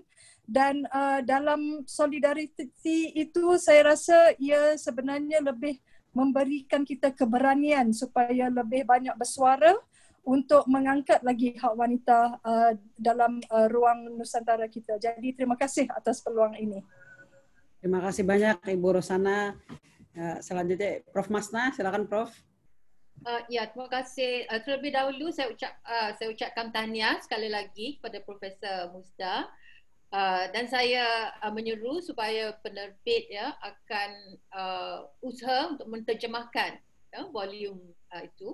Juga saya maaf uh, tentang uh, edisi lama yang telah saya terima kerana itu yang diberikan kepada saya dalam bentuk uh, soft copy. Jadi saya uh, telah meminta penerbit untuk menghantar mengirimkan saya ya edisi yang uh, baru. Uh, saya ucapkan ya. Terima kasih kepada saudari Jean kerana menjadi moderator yang amat efektif dan juga uh, sesiapa yang telah meringkaskan uh, ucapan saya tadi, ya, ulasan saya tadi amat uh, tepat sekali. Um, jadi saya harap ini bukanlah pengakhiran, ya, kita akan terus uh, berkolaborasi, uh, networking dan sebagainya. Jadi terima kasih uh, semua. Terima, terima kasih Profesor Musda. Terima kasih. Uh, selanjutnya Pak Ustadz Ulil, silakan Pak Ustadz untuk closing statementnya.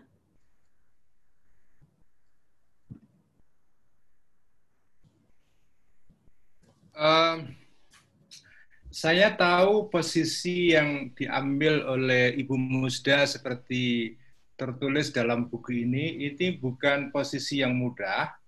Jadi jangan diandaikan bahwa gagasan-gagasan Bu Musda ini gagasan-gagasan yang akan mulus diterima oleh masyarakat ya. Uh, sudah pasti banyak yang akan menentang, uh, terutama kalangan-kalangan yang memang menggunakan pendekatan dan penafsiran yang harafiah terhadap eh, teks-teks uh, agama.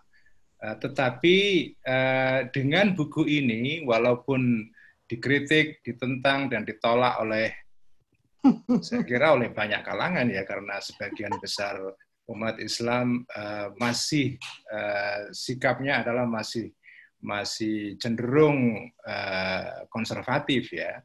Tetapi bagi saya tidak masalah. Ya. Yang penting adalah ada suatu upaya untuk e, meletakkan fondasi baru.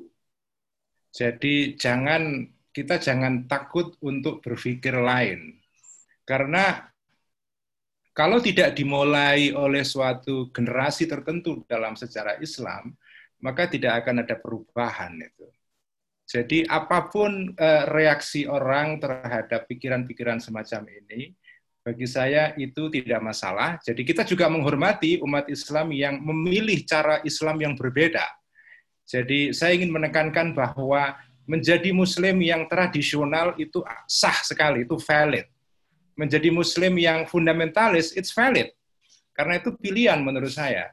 Tetapi saya memilih menjadi muslim yang seperti Bu Musda, yaitu reformis. Saya tidak sepakat dengan mengartikan reformis itu sekedar soleh ya Bu Musda, tapi reformis itu ya memang berpunya visi untuk mengkritik uh, tradisi yang memang kita anggap tidak tepat, tidak sesuai dengan zaman. Jadi kata-kata soleh menurut saya tidak cukup karena istilah soleh itu artinya adalah pious, sekedar kita mengikuti tradisi secara taat. Bagi saya piety is is important, tetapi piety with criticism with critical mind. Jadi kita menjadi soleh, tapi juga sekaligus kritis terhadap tradisi kita sendiri yang kita anggap itu tidak sesuai dengan zaman gitu. Dan bagi saya itu ideal. Jadi kita tidak menjadi humanis sekuler yang anti agama, bahkan sinis pada agama, tapi kita juga tidak menjadi tradisionalis yang tidak kritis.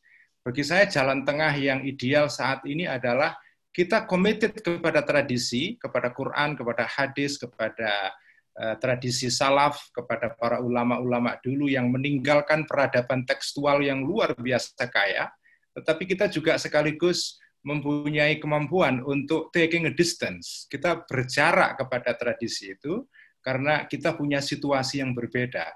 We have our own right to think differently karena kita punya konteks yang berbeda itu. Saya kira itu terima kasih. Terima kasih Pak Ustadz Ulil. Selanjutnya gurunda kita, Prof. Musda. Silakan Prof.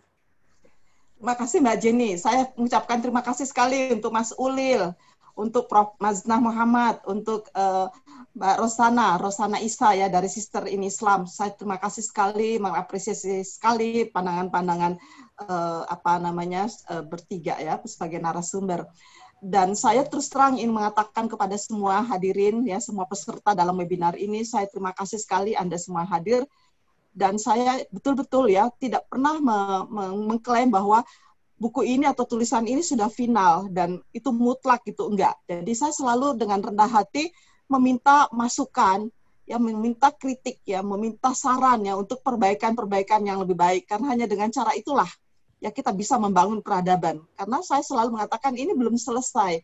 Mungkin saya sedang berpikir untuk tambah bab ke-18 itu tentang masalah-masalah yang terkait dengan pandemi ini gimana nih kita menghadapi pandemi terutama perempuan yang banyak sekali uh, me, apa saya sudah menulis ya tentang uh, perempuan dalam masa-masa pandemi yang luar biasa sudah mengalami kekerasan ya di dalam rumah tangga, bahkan juga kekerasan seksual, ya tingginya beban kerja dan sebagainya karena kita semua work from home ya. Nah persoalan-persoalan baru seperti ini muncul, jadi nggak pernah selesai dalam hidup kita ada persoalan baru lagi, persoalan baru lagi.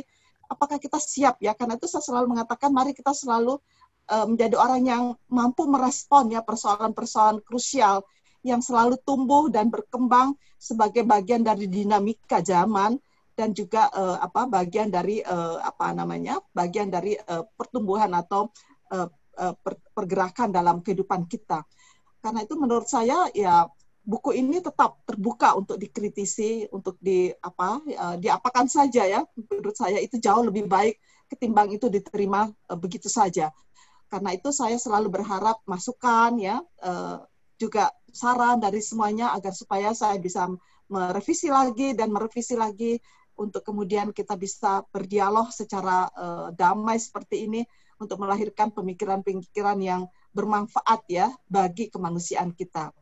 Dan terakhir saya ingin mengatakan bahwa seluruh eh, pemikiran-pemikiran yang saya ajukan dalam uh, ensiklopedia ini itu nggak lain sama sekali sebagai sebuah tawaran bagi upaya membangun ya masyarakat Islam yang jauh lebih baik sesuai dengan baldatun toyibah warabun gafur. Ya semoga semuanya kita berhasil ya ke arah sana dengan mendapatkan ridha Allah. Amin ya robbal alamin. Itu saja Mbak Jenny, mudah-mudahan ada manfaatnya. Terima kasih Mbak Jenny atas uh, apa namanya uh, menjadi moderator yang baik. Terima kasih. Terima kasih Prof. Musda. Nah ini mungkin Bapak Ibu peserta bertanya-tanya bagaimana mendapatkan buku ini. Nah dari penerbit baca ini ada pengumuman menarik ya mungkin saya screenshot sedikit. Uh, pada hari ini ada diskon ya 45% uh, bisa nanti saya share di link uh, Zoomset untuk bukunya Prof. Musda ini yang luar biasa. Ada 17 bab ya Prof ya dan beberapa pengumuman. Jadi ini uh, linknya nanti akan saya share pada Zoomset dan kemudian acara ini live di Facebooknya Muslimah Reformist Foundation dan pandangan-pandangan Prof Musda dapat dilihat lebih lanjut pada Facebook dan Instagram Muslimah Reformist Foundation yaitu at Muslimah Reformist Foundation.